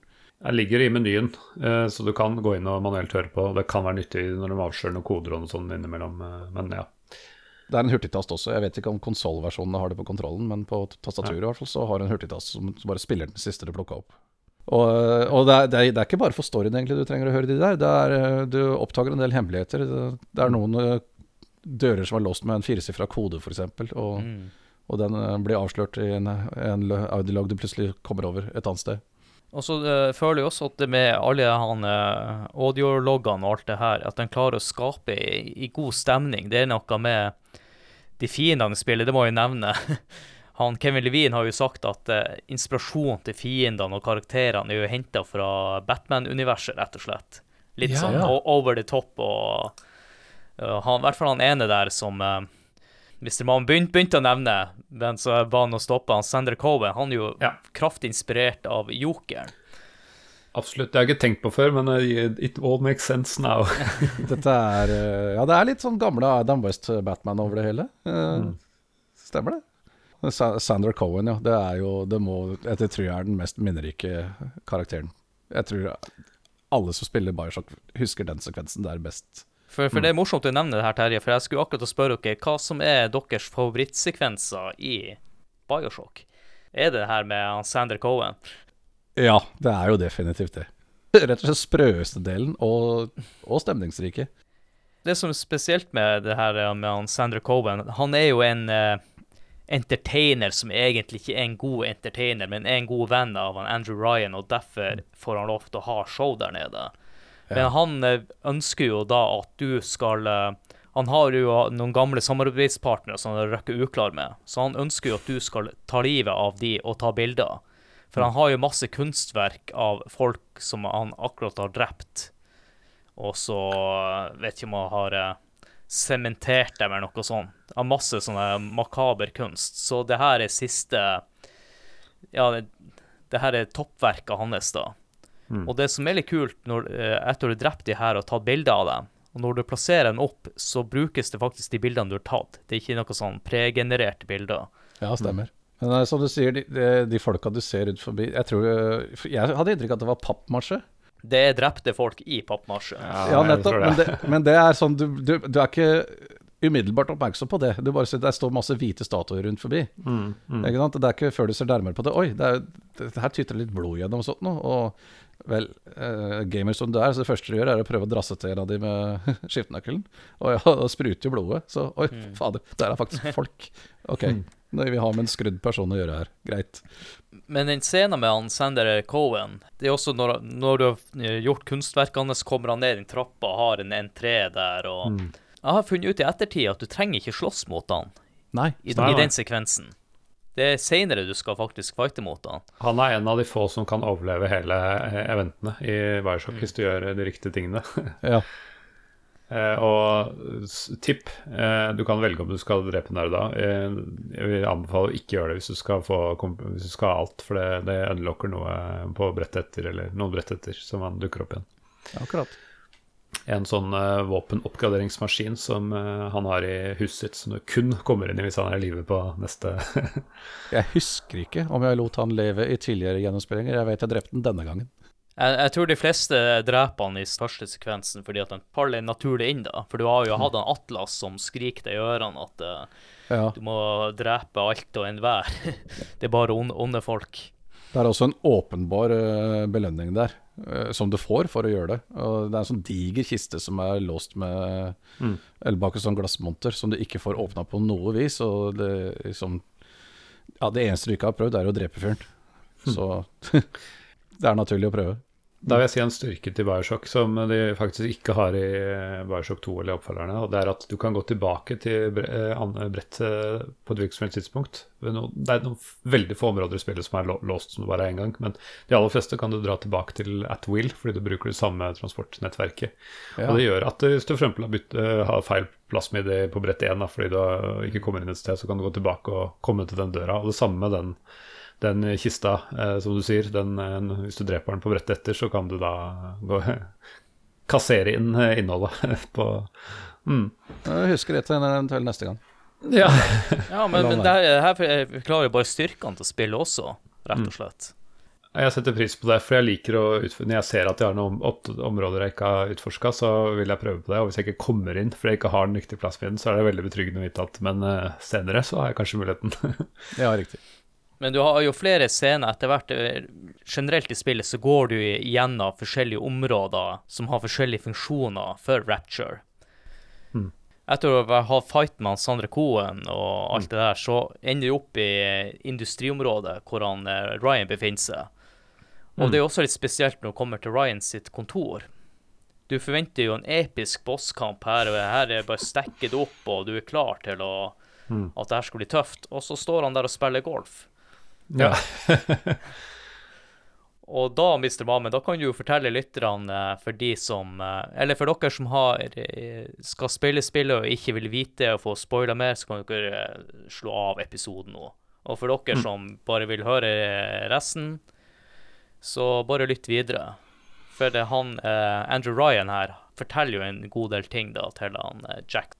Definitivt. Den største første plot-twisten, eh, som kanskje Bioshock er kjent for, kommer jo når du endelig innser at du må fjerne denne gale, gale mannen for, eh, for eh, ja, hva han har gjort mot både deg og Atlas og uh, hele pakka. Eh, og selv om det kanskje er et på et fighterperspektiv et antiklimaks, så er det historiemessig et stort klimaks når, når du kommer til han og han innser at han ikke kan stå imot altså Han innser at slaget er tapt. Mm. så hører du at Får du liksom forklart hele plottvisten, som er at hver gang noen sier 'would you kindly', så blir du nødt til å adlyde, som han uh, introduserer med.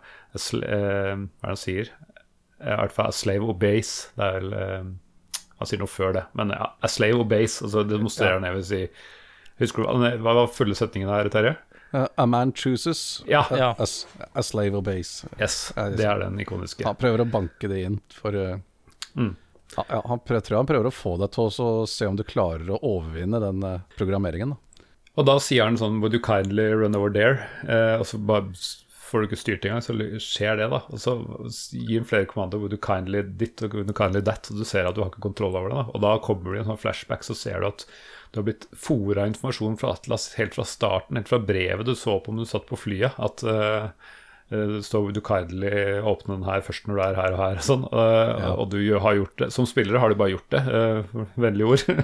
det er et ganske sterk kommentar på hvordan du som gamer bare naturlig følger instruksjonene du får i spill. For selvfølgelig gjør du det er et skikkelig aha-opplevelse. Og jeg har skjønt at uh, Ken Wine og de, det var visst uh, de, de, klarte ikke å skjønne hvor stort inntrykk dette gjorde på spillerne selv. Uh, så de, de, ble liksom litt overraska selv over hvor stor impact denne twisten hadde. Ja. Men ja, akkurat han innser at han har tapt, så han beordrer deg til å slå, slå, deg, altså slå Andrew Ryan i hjel med golfkølla si. Uh, som jeg syns virker litt rart, virker litt suicidalt, men han visste vel at det var bare et tidsspørsmål før Atlas ville be deg om det samme, så Ja, men ja. Eh, det er der jeg har den teorien om at han egentlig prøver å få deg til å bekjempe denne programmeringa. Ja, godt poeng, altså. Ja, for han gir deg denne golfkølla og sier, dette, sier det 'Would you kindly beat me to death?' eller et eller annet med mm. den kølla. Men så gjentar han det 'A man chooses, a slave obeys'. Mm. Men dette er en kuttescene, så du får ikke noe valg her. Ja, Men han sier det jo flere ganger han blir slått. Han, ja, stemmer. Altså, du dæljer til en en gang til, ja. og, og, han reiser seg litt ganske forslått og blodig og, og prøver å, og sier det igjen. A man chooses, a slave obeys. Han, han bare fortsetter å gjenta det, mens du fortsetter mm. å slå den. Til slutt så har du drept den, da. Så, og, ja, men min teori er at han egentlig prøvde å få deg til å klare å ikke gjøre det, selv om du hadde, hadde fått ordren og kanskje vende deg imot han Atlas igjen, og bruke ja. at du eh, blir hans verktøy i stedet for. Ja, Dessverre for han ikke fungerte da. Mm. Hmm. det eneste som eh, jeg har tenkt på, er at de røper egentlig plottvisten før det her. Du kommer inn i et rom der det står med eh, røde bokstaver, sikkert blod, da, 'Would you hmm. kindly', og da har ja. du bilder av eh, Tenenbaum og han han der doktoren, han kinesiske doktoren der. Ja, ja, og han har en eh, audiolog da som forteller litt. Så mm. egentlig så burde de hatt det rommet der rett etter du hadde banka han eh, Ryan. nesten på en måte en test for eh, spillere for om de har fulgt med eller ikke. Ja. Ja, for jeg tror ikke jeg, husker ikke, men jeg tror ikke jeg skjønte konsekvensen av det jeg hørte i de dialogene før etter den cutsiden. For, eh, for jeg vil si det er foreshadowing. At det, de antyder at nå kommer det noe rart. Men hva er det egentlig hva er det her for noe? Det var i hvert fall min, mine tanker om det. Jeg liker akkurat de greiene her, for jeg, jeg syns jo litt kult, da, sånn som jeg prøvde på tidlig i episoden her. Jeg har jo sagt til lytterne Would you kindly, så skal jo høre igjennom hele episoden her. Det er jo at eh, han eh, Atlas han sier det jo ganske ofte i spillet, men du tenker ikke over det. Nei, det er jo bare en vennlig frase. Ja, ja, han bare Det er så naturlig, ikke sant. Så det, er, det, er, det er ganske godt gjennomført, altså. Etter vi har gjort det her med en, eh, Andrew Ryan og drept han, så begynner jo ting Men- å snu seg imot deg, gjør det ikke det? Jo, men bare ta, dvele litt med den Ja. plottvisten litt til, for jeg syns det er litt flere interessante ting som kommer fram her. Eh, for det du finner ut, er at du, Jack, er eh, sønnen til eh, Andrew Ryan. Eh, og du har faktisk fått, hvis du har fulgt veldig nøye med, så har du fått sånn hint om at annet disse Vita Chambers, Vita-kammerne, som du, hvis du dør, så respawner du der.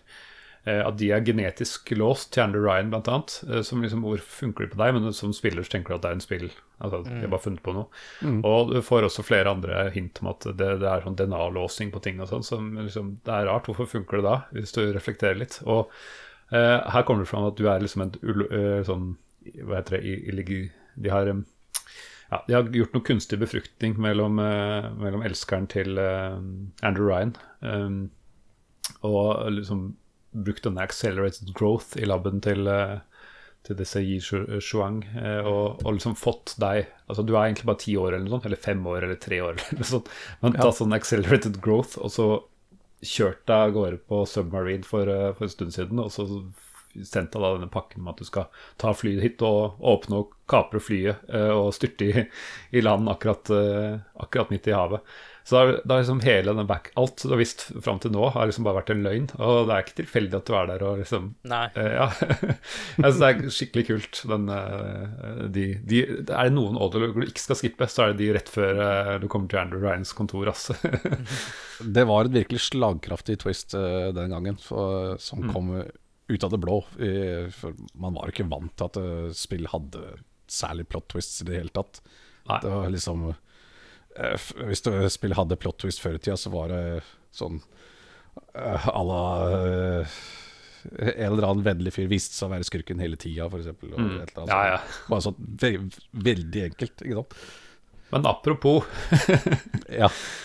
Eh, da kommer jo også Atlas og viser sitt litt sanne jeg. For eh, det er bare sympatien med denne irren som han har irsk dialekt, eh, hvis jeg ikke husker helt feil. Eh, Ja.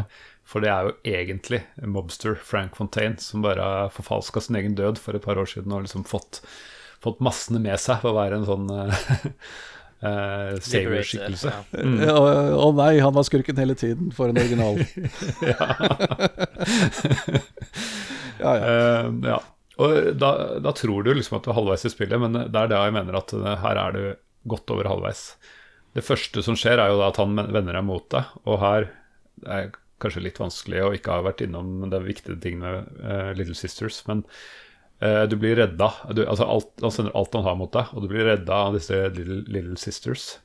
Um, og Tenenbaum, som på en måte tar dem med til et safe haven. haven. Kanskje vi kan jo snakke om Little Sisters og Big Daddy. Ja. Uh, uh, jeg vet ikke om jeg sa det i stad, nå ble jeg litt usikker her. Jeg vil bare ha en liten sånn eh, fun fact. er jo at eh, Opprinnelig så skulle det ikke være små jenter i hele tatt. Det skulle være, heller være sånn larve som de skulle beskytte. Stemmer det. Nei, du nevnte ikke det i stad. For jeg, jeg satt og tenkte på det samme, ser du. Og så på et tidspunkt skulle det også være noe Little Brothers med i spillet, men den ble også uh, tatt Ja. ut da. Og så var jo som han Mr. Mammen sa tidligere, at de hadde et mye mer creepy utseende tidlig, i tidlig fase, da. Men uh, den her Little Sisters, uh, det, det var noe av det siste som kom med i spillet, faktisk. Ja. Interessant. Og, og så har de jo fått en så sentral rolle, for du kan jo fortelle den sentrale rollen. eh. De trengte at de hadde et moralsk valg i spillet, fordi de ville ha flere slutter. Det, det er Ja. morsomt du sier at de vil ha flere slutter. Du skal ikke gå inn på sluttene helt ennå. Å ha med flere slutter i spillet var ikke noe de ønska. Dette kommer fra eh, 2K Games. Så Ja. de, de ble tvunget til å ha med flere slutter. Stemmer. Og opprinnelig så skulle du ta livet av dem. For, for i spillet så sier de at du har eh, Enten kan du harveste, eller så kan du De har et annet ord, de sier ikke Rescue. Ja, rescue. Rescue Harvest. Ja. Ja. Rescue og Harvest. Og, og det er også noe som kom fra focus-testinga eller fra publisheren, at de måtte si Harvest og ikke Kill. Ja. Men, eh, det er, men det er jo det man gjør. Man velger om man skal drepe eller redde dem. Det er det moralske valget, og det er derfor de var litt sånn delvis søte små jenter også. For vel, hvem brydde seg om en larve? Men da må du jo si hva som er fordelen med Hvorfor skal, er dette et valg? Vel, du får Det er jo denne ressursen, Adam. Mm. Disse Little Sisters vandrer jo rundt uh, og blir beskytta av en Big Daddy, og finner øh, døde splicers rundt forbi, som de høster Adam fra. Er da en viktig ressurs som alle vil ha tak i, inkludert deg selv. Mm. Og s- Så du får Adam fra Little Sisters, men du må denge denne Big Daddyen øh, først for å gjøre det, noe som er alt annet enn enkelt, som regel. ja. Men uh, uansett, etter at du har gjort det, så får du da valget, da. Drep eller redd uh, den little sisteren. Og det, det har noe å si om hvor mye Adam du får. Du får ganske mye Adam ved å drepe dem. Dobbelt så mye. Ja, dobbelt så mye. Ja. Du, det, det, du renner over av muligheter hvis du velger å gå den veien. Liksom. Du, da kan du bare kjøpe alt og oppgradere alt av plasmids hele veien. Det er null prob. Men eh, du har ikke fullt så mye ressurser å gå på da hvis du velger å være moralsk eh, engel og redde alle jentene. Nei, Er ikke det litt morsomt at et spill som handler om å ikke ha noe valg i storylinen, eh, handler om å ha et valg? Det er ak Men, eh, akkurat det her som er litt sånn uh, plotthold, da. Er jo at eh, han eh, Atlas vil jo at du skal eh, ta Adams ifra henne, men du gjør det ikke. Men han sier ikke 'would you kindly'. Han gjør ikke det. Og uh, Ken Levine har faktisk En, en av feilene de gjorde der, var at de egentlig ga deg fortsatt for mye Adam hvis du valgte å redde dem. Mm. Han, han syntes det, De burde egentlig gitt deg enda mindre for at det skulle være enda vanskeligere. Ja. For det, at, du, at du virkelig var uh, led av ressursmangel hvis du, valgte, hvis du prøvde å redde alle sammen. At det, det skulle være et skikkelig problem. Og Ja, gjøre det vanskelig. Grunnen til det er jo fordi at du blir kompensert av uh, Birgit Tenbaum ved at hun hver tredje Little Sister gir deg en, en gift som Ja. inneholder 200 Eller for det første får du noen unike plasmids, sånn som den Adrian snakka i i stad om, om å hypnotisere Big Daddies. Eh, det er unikt, det er flere andre også. Eh, I tillegg så får du jo kompensert for litt, del av tapet. Så jeg tror til slutt, eh, hvis du gjør ekstremene, så er det bare 10 forskjell på om du harvester alle eller Så gjør det jo det øde, Jeg er enig, det ødelegger litt av, av det, men samtidig de, de vil vel at folk skal oppleve mest mulig av spillet. Så. Det er vel mer det at du får et for- fortrinn tidlig i spillet hvis du har. Vi er, Og, vi er og de, valgene du tar der, eh, påvirker jo slutten, som vi skal eh, gå inn på nå snart. da. Ja. Men det er jo også viktig å, å Vi har jo holdt det lenge nå, det med Big Daddies, da. Som er jo de her ikoniske giganten i dykkerdrakt. Men jeg har jo funnet ut at det, det er jo vanlige folk som er satt inn i dykkerdrakt og lider litt av det samme som han um, Jack, da. At de er under mind controls, Mm. rett og slett. Og det som er litt kult, litt senere i spillet, så finner du han doktoren som jobber med det her, og lager det her Big Daddies, at han er død. Mm. For han har da testa ut om Big Daddies ville beskytte Little Sisters hvis han prøvde å drepe dem. Så han brukte seg sjøl som testobjekt for å finne det ut, og det resulterte i at han ligger død på en benk. Vellykket test. Det er en veldig, det er en veldig sånn Ja, det er iro, iron- ironisk kanskje, men eh, det er en ganske bra audiolog hvor du liksom hører at den er irriterende Big Daddy får dem ikke til å bonde med lillesøster, eh, lillesøsterne. Og så hører du at den bare, det er en irriterende lillesøster i nærheten som man bare slår til, og da, ja, da er skjebnen besegla, for å si det sånn. Ja, stemmer. Men det som Men er eh, interessant jeg bare si en liten fun Ja. fact om det. At i igjen eh, i eh, en av oppfølgerne så er det en sånn DLC som heter Burial at Sea, hvor du får oppleve denne scenen hvor, denne, hvor dette skjer. da hvor, hvor han Suchang blir eh, Ja, eh, møter sitt eh, siste ende. Mm. Så får gjenoppleve innspillingen av denne Odd-legen i et annet spill. Men det som er spesielt med Big Daddies også i spillet, de fungerer på en litt annen måte. Der alle andre fiender er superaggressive, så er ikke han Mm. aggressiv før du begynner å nærme deg Little Sister. Så de kan jo gå rundt deg uten at det skjer noe. Og du ser det på Og dem. han, er, og han, er, han øh, reagerer bare litt aggressivt hvis han i hele tatt har med seg en little sister. Mm. For det er ikke alltid de har. Det hender de går aleine, og da kan, du, da kan du gå i ringer rundt den og stå i veien for den og gjøre alt, og du, han reagerer ikke. Og så har de jo så har de jo sånn lys også på hjelmen. Hvis de er gule, så bryr de seg ikke om det. Blir det rødt, så angriper de det. Og hvis det er grønt, så har du kontroll over dem. Trafikklys, enkelt. Ja, ja det er rett og slett trafikklys. Men, er- men eh, når de lagde den karakteren, jeg hadde jo aldri trodd at det, han skulle bli så ikonisk. Han, Big Daddy har jo til og med vært med i en Simpson-episode. For vi må jo se, er, Han heter ikke Big uten grunn. Det er diger kar dette er som da går med sånn veldig sånn gammeldags dykkerdrakt. Som er en sånn, sånn diger klokke på Ja. huet og Ja. Puster tungt. øh, stønner og grynter bare. øh, sier ingenting. Og når vi snakker om dykkerdrakt, så tenker vi på de gode, gamle, klassiske dykkerdraktene. Det er ikke en sånn eh, vanlig fyr i froskedrakt fra. Syden. Det- Jeg nevnte jo litt tidligere i stad at uh, det er jo ikke alle bosskamper jeg tenkte var en bosskamp. Og jeg har jo funnet ut i ettertid at det er jo en god del Big Daddy-kamper som blir ansett som en bosskamp. Men jeg har litt lyst til å gå tilbake til eh, det der vi stoppa i stad, med at vi finner ut at han, Atlas er han Fontaine. For uh, han prøver å kverke deg etter hvert med å stoppe hjertet ditt, så du må jo prøve å finne antiserum til det, og så overvinner jo du dine Du får kontrollen over deg sjøl igjen. Og så på et senere punkt så skal du faktisk være en Big Daddy. Du må spille som Big Daddy òg, og det er litt kult. Jeg føler alt historie etter den der tvisten der er sånn du bare har lyst til å bli ferdig. I hvert fall var jeg det. Heldigvis så går brettene litt fortere, men ja, det er, det er som du sier, først å, å bli frigjort fra denne conditioningen, så du ikke han kan eh, Ja, først uh, would you kindly deg til å gjøre ting, og så uh, stoppe hjertet ditt ved noen andre triks, og så er det bare å hunt, hunt him down. Eh, Og det, for å komme inn dit, som du sier, så må du bli en big daddy. Eh, Og der syns jeg det er litt rart, for de sier gjentatte ganger at det er en enveisprosess. Hvis du først er en big daddy, så blir du kvitt igjen. Men jeg får ikke det til å stemme med, med sånn endingene er.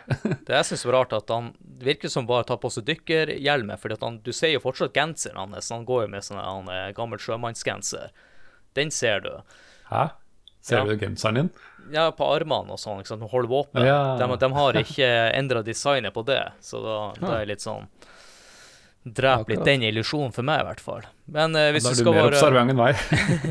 Hvis du skal bare spole litt raskt igjen her, em, siden episoden begynner å bli litt lang, så Mm. finner vi ut også at han Fontaine har jo, eh, har jo bola seg med Adams og The Hoyle, så han blir jo et Mm. svært monster på slutten, og da skal du ekstrakte det her fra Mm. han for å Ja. stoppe han.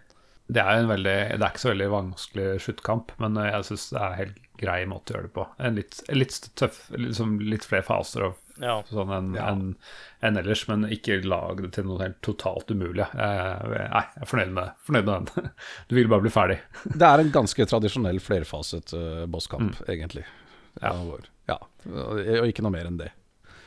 Så en kan godt skjønne den der kommentaren til Levin. Han skulle ønske at de egentlig hadde gjort noe mer med, med den, uh, enn å være så generisk som den egentlig er. Men uh, eh, det, det fungerte, spør du meg. Siste brettet før denne bosskampen, så er det jo som sagt en Big Daddy, og da må du beskytte en Little Sister. Og da, det er litt gøy, for da er du i praksis så uh, sterk med armoren at jeg aldri tror jeg trengte å heale engang. Men å beskytte Little Sister, det er litt av en jobb. Jeg tror jeg mista tre av dem på, på denne gjennomspillinga her. Men det var, som sagt, det var fordi jeg prøvde å rushe, da, og ikke spilt Ja. så strategisk. ja, men jeg, igjen som follow quest så er jeg veldig irriterende, fordi de bare stikker av, Men du har lyst til å utforske. Det funker dårlig. Det er vel stort sett det som er med sånn escort mission. Det, det er jo vel klassikeren i det. ja. Men eh, for å hoppe litt tilbake, når vi har beseira han Frank Fontaine, så ender vi opp med to slutter. Og det er jo det vi var inne på, om du velger å harveste eller å rescue de her eh, jentene. For det som skjer er på slutten, at du blir jo slått ned av han Fontaine, men da popper det ut en hel haug med Little Sisters som du har uh, rescua. Som eh, ja, begynner å slå nål i han, og så ekstrakte ut resten av Adams. Det er her jeg egentlig har litt den kritikken med det der moralsk, moralsystemet her. Sånn. Det, det føltes innovativt eh, da spillet kom, men dette gikk ganske fort ut på dato. For det er, det er veldig sort-hvitt. Det er ikke akkurat et veldig vanskelig moralsk dilemma. dette her. Du, sitter, du står med en søt jente i handa og skal, må velge mellom du skal drepe eller redde henne. Altså, eh, du vet jo hva som er det gode og onde valget her. Det er ikke akkurat vanskelig. Og det eneste det gjør, er å påvirke sluttfilmen. Om du får den gode filmen eller den eh, dårlige filmen på, på slutten av spillet. That's it. Alt annet av handling og spiller er fullstendig upåvirka av det. De, de kommer fortsatt og redder deg etter den der Ryan-sekvensen. Og som du nevnte nå, Adrian, at når de eh, når, du, når han Fontaine har slått deg ned og er, er skal til å slå deg i stykker, så kommer de fortsatt krabbende ut av alle åpninger og angriper den og dreper den for deg. Sjøl om du har drept en hel haug. Ja, det er det som er litt rart. Eller Ja. sånn uh, brister litt. Det var nemlig det jeg valgte å gjøre den gjennomspillinga her. Jeg bare harvesta dem alle sammen. Ja, samme. Endinga er i hvert fall det at uh, hvis du har harvesta dem, så tar du over Rapture, for den gir deg nøkkelen til hele byen. Og du ender jo opp med å ikke bare ta over byen, men du skal også ta over verden etter hvert. For det vel en cutscene der at du, det er en atomubåt er på overflata, så sender du opp folk splicers, og så tar dere over den atomraketten. Og den andre endinga, den good ending, er jo at eh, du frakter jo alle jentene opp til overflata, og de lever sine liv. og til slutt, når du ligger for døden, så kommer alle og holder deg i handa. Det er eh, den som er eh, den official canon for eh, oppfølgeren for øvrig. Men eh, Ja. Men eh, som det, det, er, det er alt, altså, som, eh, hele, som det har å si. På forskjellen på Harvest eller Rescue. Ja, ja. Sånn storymessig. Det er hvilken av de filmene du får på slutten av spillet når Ja. bosskampen er over. det er teknisk sett tre endings, men de to, to av dem er nesten like. Det er egentlig bare på stemme hvor, hvor om hun er sint eller lei seg, er avhengig av hvor mange du har harvesta. Ja, okay. Ja. Det er en, en ting vi ikke har snakket om, som kan jo være Eller jeg syns i hvert fall du må snakke litt om når vi snakker om plot twist og, og at uh, spillet leverer på story. Men hva dere synes om uh, voice-actinga til spillet? Fungerer det? Ja. Ja. det må jeg si. Altså, uh, en reagerer egentlig stort sett bare hvis den er utprega dårlig. Og, ja. og det kan jeg ikke si jeg gjorde nå, så da har jeg gjort jobben sin. Det er jo ganske imponerende, for det er jo mange ut av de her stemmene som er voisa av eh, folk inhouse. F.eks. Han Ken Levine. Han er Ja. jo stemme til en av de vendormaskinene. Den der han er Circus Value-maskinen. Welcome to the circus so well you Ja, ja, ja. Den der, uff. Og den hører du en million ganger. Vet du hva, det visste jeg ikke, men når du nå sier det, så, så, så, så hører jeg det i hodet mitt. Ja, altså, han, han sa jo under intervjuet at uh, kjerringa hans hater den eh, når han lager den stemmen, så får ikke lov til å si den hjemme, eller bruke den hjemme. Men en annen ting som eh, jeg også har lyst til å nevne før vi avslutter episoden, og det som kanskje er det aller viktigste, det er jo han Atlas. Fordi at helt på tampen, under den spilltestinga, så virker ikke han troverdig, for han hadde en sørstatsaksent. Så de bytta voice actor rett før eh, slutten av utviklinga, og heller eh, ansatte en irsk.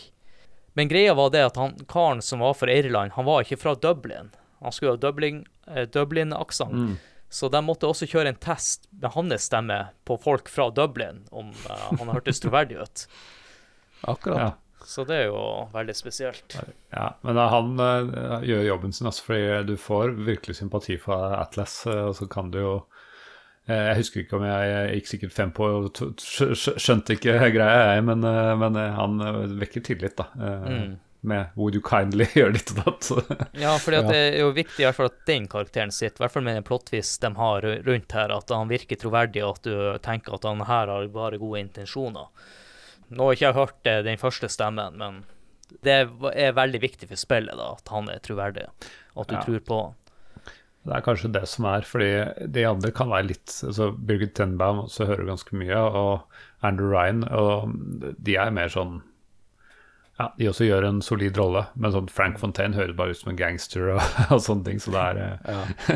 det er litt stereotyper en del av de mindre karakterene, i hvert fall.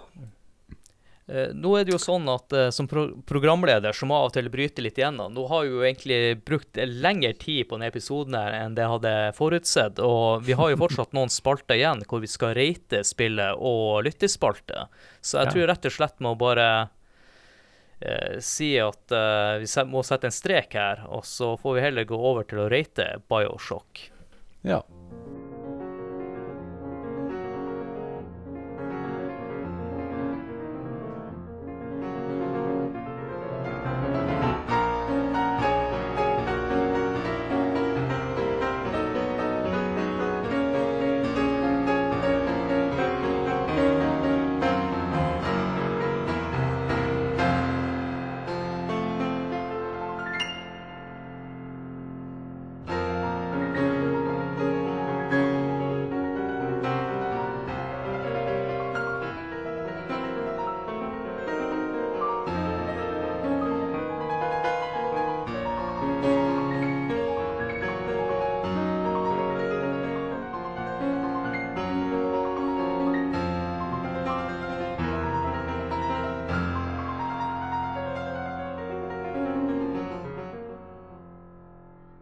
Er det endelig på tide at vi skal rate Bioshock. Som vanlig så setter vi karakterene etter Nintendo-magasinet sine kriterier, og bedømmer spillene etter de her fem punktene. Grafikk, lyd, spillkontroll, underholdning og holdbarhet. Og skalaen er fra én til ti. Og siden du, Terje, ja, at ikke så lenge siden du var med sist, så kan du få lov til å begynne. Hva har du lyst til å gi grafikk? Grafikken? Og den setter jeg Jeg tror jeg gir den eh, Jeg setter den på ni, jeg, tenker jeg. For uh, den var uh, ganske revolusjonerende for Finn å finne da den kom. Og og så er den remastera, som sagt, Ja. så ser, ser fortsatt uh, veldig bra ut. Og eh, jeg, ja, Hvorfor trekker jeg et poeng, egentlig? Bare for at jeg ikke har lyst til å gi like mye som Portal, eller hva? hva? Ja, men de er jo ikke en dårlig karakter. Nei, ja, det er jo ikke det. Det, det er jo nesten toppscore. Det skal være vanskelig å få en tier. Enn du, Mr. Mannen. Ja, eh, nå husker jeg jo ikke den originalen sånn helt eh, i hodet, men eh, det var en del kritikk av den ikke var Det var ikke alt som var bedre i remasteren, faktisk. Og jeg syns remasteren ser ganske bra ut, i hvert fall nå, da kan være patcha. Så jeg også må gi den Vet du hva? Fra du er i vannet der, og de der flammene som brenner på vannet, det er så imponerende. Og PC-en min kverka jo Klarte jo ikke det den de hadde da, så jeg, jeg må gi den en tier. For jeg syns det er helt marvelous. Og det har holdt seg utrolig bra også. Jeg ble imponert når jeg spilte nå, at det så såpass eh, bra ut som det gjorde. Så ti. Jeg får jo alltid kritikk fra min gode kompanjong Håkon at jeg gir litt høyest score. I siste så har jo vært han som gitt lavest score. Jeg lå på nier eh, og er ganske enig i mye det Terje sier, men så tenker jeg litt på det. Den har noe unik stilart. Og så har jeg også gått og tenkt, eh, når jeg drev på med research, hvem var først med denne stilen og de her figurene? Var det Fallout, eller var det Bioshock? Men jeg lander, jeg, jeg lander på ni. Jeg syns spillet virker eh, Hvis det ikke hadde vært gjenbruk av områder, så hadde jeg nok trodd at spillet var mye nyere enn det egentlig er. Fordi at det ser fint ut. Jeg, jeg liker stilarten og alt. Jeg, jeg vet du hva, ni og en halv. Ja, det, er egentlig, det er egentlig vanskelig å forsvare å ikke ha satt den opp på ti, egentlig, når jeg tenker meg om. Men eh, jeg, jeg, jeg står for det jeg sier. Shit. Det neste ut er jo lyd, som vi avslutta eller hovedspalten med. Hva vil du gi her, Terje? Der går jeg for eh, en åtter, bare. OK. Ja. eh, de lydene som er der, eh, er funksjonelle, men ikke nødvendigvis utprega bra. Og det er ikke noe særlig musikk å snakke om, annet enn sånn der te- te- tematisk periodemusikk som spiller på noen grammofoner her og der. eh, rett og slett. Eh, ja, det, det, det fungerer. Det er stemningsfullt nok, men eh, Det finnes bedre der ute, skal du si. ja, jeg syns det. Ja, du mister mannen. Uh, ja, det var litt vanskelig, men jeg tror jeg, jeg gir et trekk for de samme tingene. For uh, spesielt lydeffektene og Circus of Valleys og sånn blir litt irriterende. Men uh, stemmeskuespillet er bra, og, uh, ja, så, og musikken som du sier, det er mye sånn How much is that dog in the window og sånn. Men nei, jeg gir det en sjuer, jeg. En sjuer. Jeg tenkte jeg skulle være strengest og gi det en sju og en halv, fordi at uh, voice-actinga synes er overraskende bra, men så er det jo alt det andre Det er mye gjentagelse av enkelte ting, og uh, de dronene har sinnssykt irriterende lyder. Og så jeg føler det mangler av og til noen uh, stemningsmusikk, i hvert fall det med å markere bosskamp og litt sånne ting, så Enig. syv og en halv skal jeg gi. Uh, spillkontroll. Litt uh, forvirrende på mus og tastatur, for å være helt ærlig. Den der Mhm. switchinga mellom plasmids og våpen og sånt og fungerer ikke særlig bra.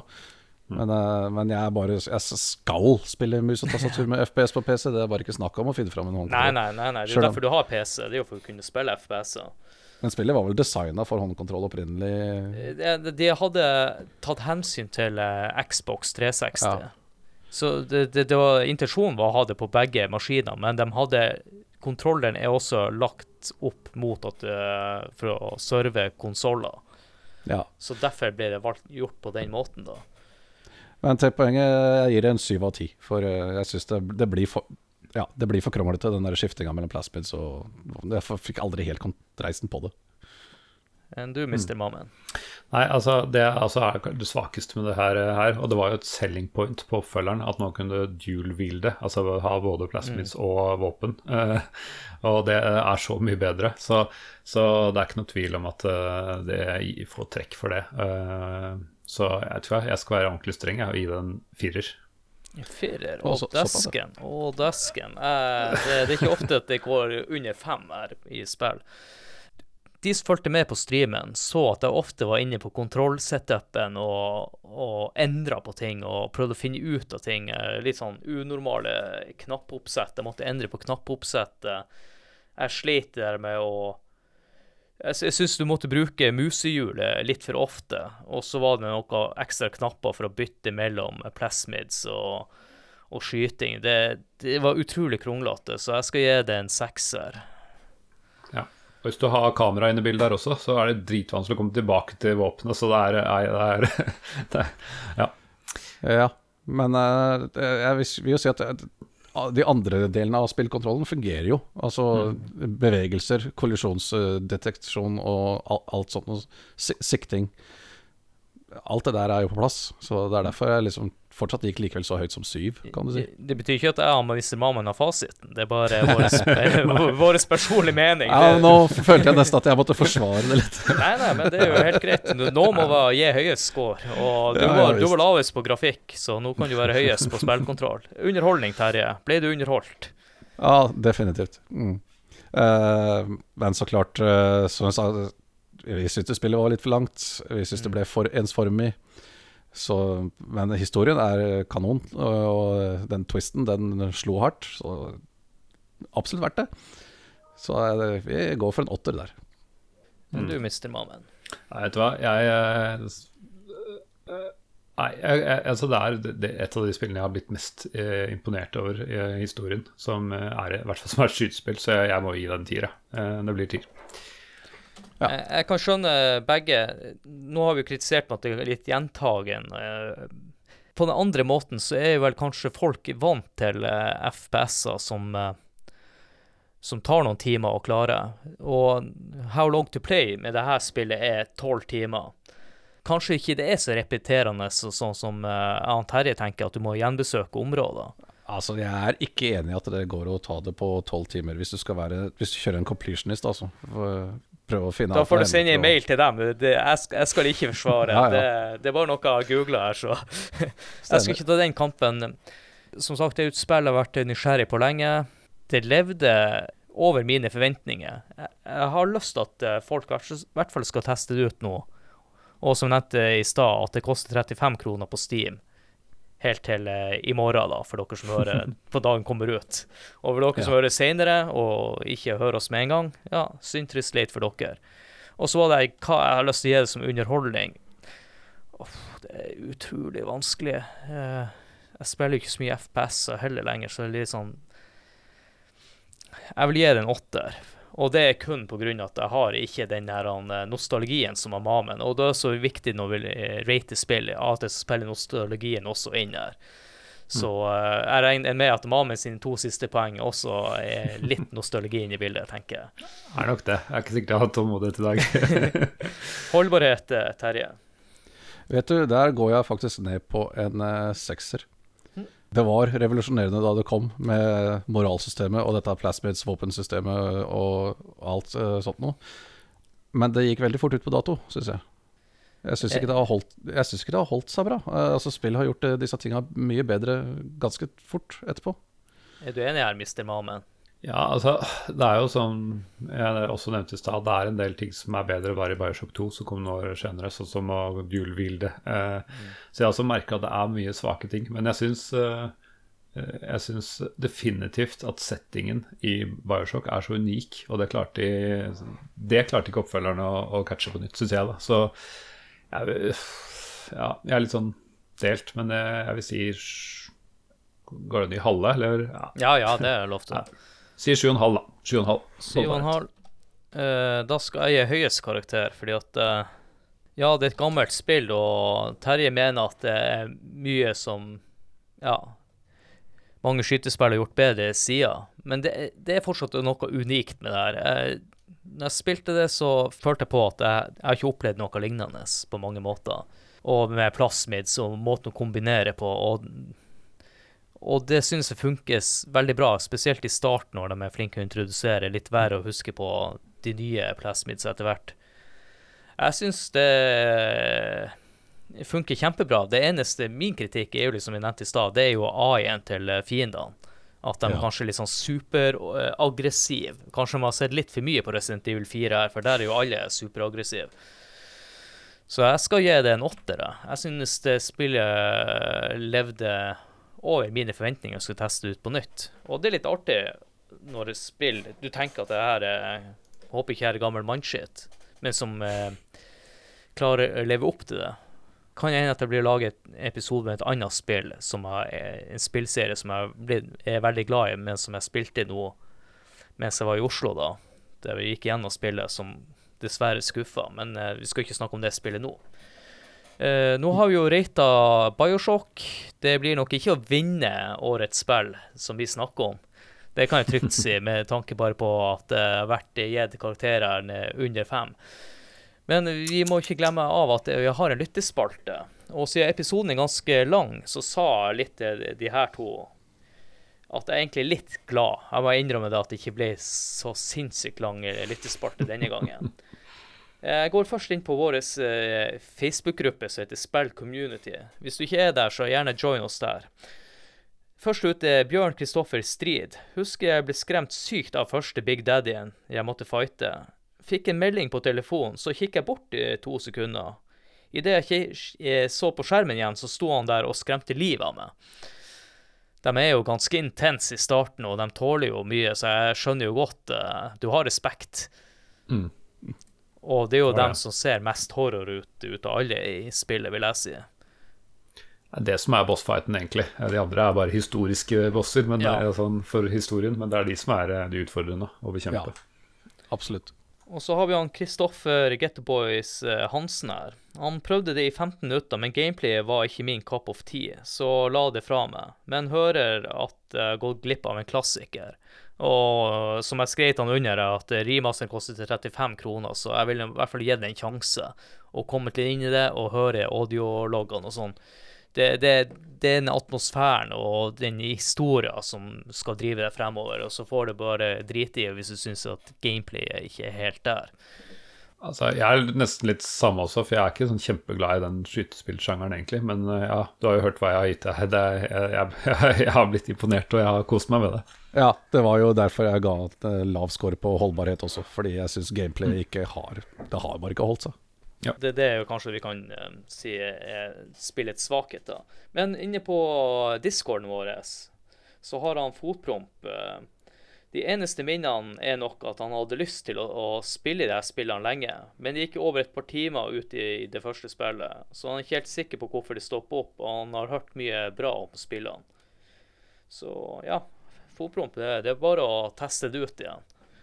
Og som sagt.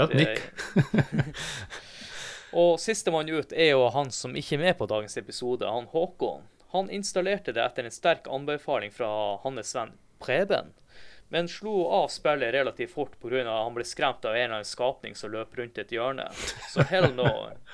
Jeg går ikke rundt i hjørnet og ser hva det er for noe, så alt eh, pluss eh, F4, og det var det. Men Pyse. etter all positiv omtale som spillet har fått, så skjønner han at det, han burde ha spilt det videre. Hell yeah. Ja, absolutt.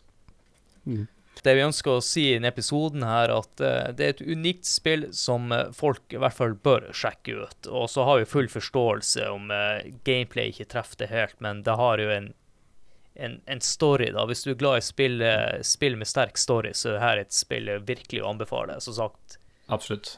Vi skulle jo gjerne ønske å se en TV-serie i framtida om Bioshock. Stort mulighetsrom der, ja. Så vi får se.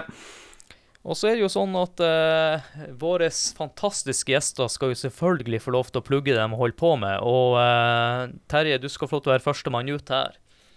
Ja, jeg kommer jo fra Spillegals podkast, som er en podkast drevet av Spillegal communityet. Det er for og av hele communityet, egentlig. Eh, Så egentlig ikke en fast gjeng som eh, driver den, men samtidig så vi, har vi vært ganske mange fast, faste folk som har eh, hatten. Uh, jeg la ut ganske lenge av den, bare for tre episoder siden. Så. Eh, Måten de velger ut folk til episoder, er at de har loddtrekning. For det er så mange i Spillegard som har lyst til å være med og lage den podkasten uh, jeg skulle ønske, skulle ønske det var så mange som meldte seg på og hadde lyst til å være med hver gang. Men, men ja, vi snakker bare ganske kjapt om spillene vi spiller for tiden, og velger oss ut et tema som vi Et hovedtema vi debatterer i episoden. Og ja, håper folk syns det er interessant å høre på. Og er det ikke det, så syns vi i hvert fall det er interessant å sitte der og ha den samtalen og debatten. Og det er derfor den eksisterer. Og hvis dere eh, liker spill, så har vi jo Mr. Mammen med her, som vi på en måte sier er en slags broderpodkast. Vi snakker jo litt mm. utenom også. og vi er jo kanskje de podkastene som er, ligner mest på hverandre i konsepter. Vi har ikke akkurat en avtale om det, men det er litt sånn gentleman's agreement at vi ikke rører de gamle DOS-spillene. Men heldigvis for min del så har jeg ikke så mye erfaring med dem heller, så da er det også fint å være lytter og høre om de spillene. Så du skal få lov til å plugge sjøl CD-spillet. Ja, CD-spill er jo da De er to kriterier. Eh, og Det er at det må uh, komme til PC, uh, og det må være fra før år 2000. Uh, så da er vi en nisjepodkast bare der. Men vi elsker å snakke om både store storspill og litt sånn små, absurde spill som ingen har hørt om. Og jeg prøver alltid, og sånn som jeg har prøvd i denne episoden, å grave fram historien, fortelle det på en spennende måte. Både fakta og, og liksom law og sånne ting, i den grad jeg finner det. Så jeg håper, eh, ja, hvis jeg gjorde en god rolle med å fortelle om Bioshock, så er det litt av det samme jeg driver med, bare om litt eldre spill. da. Så det var kjempekult å kunne snakke om Bioshock her, som jeg har um, ekskludert fra min egen podkast pga. alderen. ja, men det er jo bra da at uh, du ble med her, og husker jeg spurte deg, og da nevnte du Bioshock. Og da, når vi først ble enige om, eller, om at vi skulle gi hverandre en liten pause, så var det naturlig å spørre deg ganske fort, da. Vi har jo også et opplegg her eh, at dere gir ut episoder den uka vi ikke gir ut episoder. Ja, det var dere som starta med det, så, men eh, det er vel sånn litt, litt, tilfeldig. Men eh, ja, det har jo vært faktisk blitt det. Og jeg, jeg, jeg, vil ikke si det, det er ikke tilfeldig fra vår side. Det er for å okay. gi folk som liker å høre på litt eldre spill, også ja. Eh, skal få lov til å ha noe hver uke, da. Og begge vi bruker jo spillhistorie.no til, til, å publisere episodene uh, våre, så det, det, passer jo inn der, eh, hele, hele greiene. Ja, og det er jo bra du nevner det, for da skal jeg plugge spill. Det er jo som regel Håkon som gjør det her, så er jeg litt rusten. Så det han Mr. Mammen gjør nå, er at vi vil rette en stor takk til han Joakim Froholt, som publiserer både våre og CD-spill sine episoder på spillhistorie.no, og lager yes. veldig gode beskrivelser om episoden. Jeg misunner han, for at uh, de få ganger jeg har lagd episodetekst, det ser ut som en treåring som skrev den. ja. og så er det jo sånn at uh, vi prøver jo å tjene penger, men uh, det viktigste er jo at dere har lyst til å gå med kule T-skjorter med spillogoen på. Og nå har vi også kommet med ikke bare spillogoen, nå har vi kommet med Hallais-logo. Så har du lyst til å gå med ei kul Hallais-T-skjorte eller Hallais-genser, så finner dere det inne på vår spreadshort-butikk. Og den linken ligger i episodebeskrivelsen. Og hvis dere ikke finner den der, så skal den også ligge inne på vår Facebook-side der som informasjon.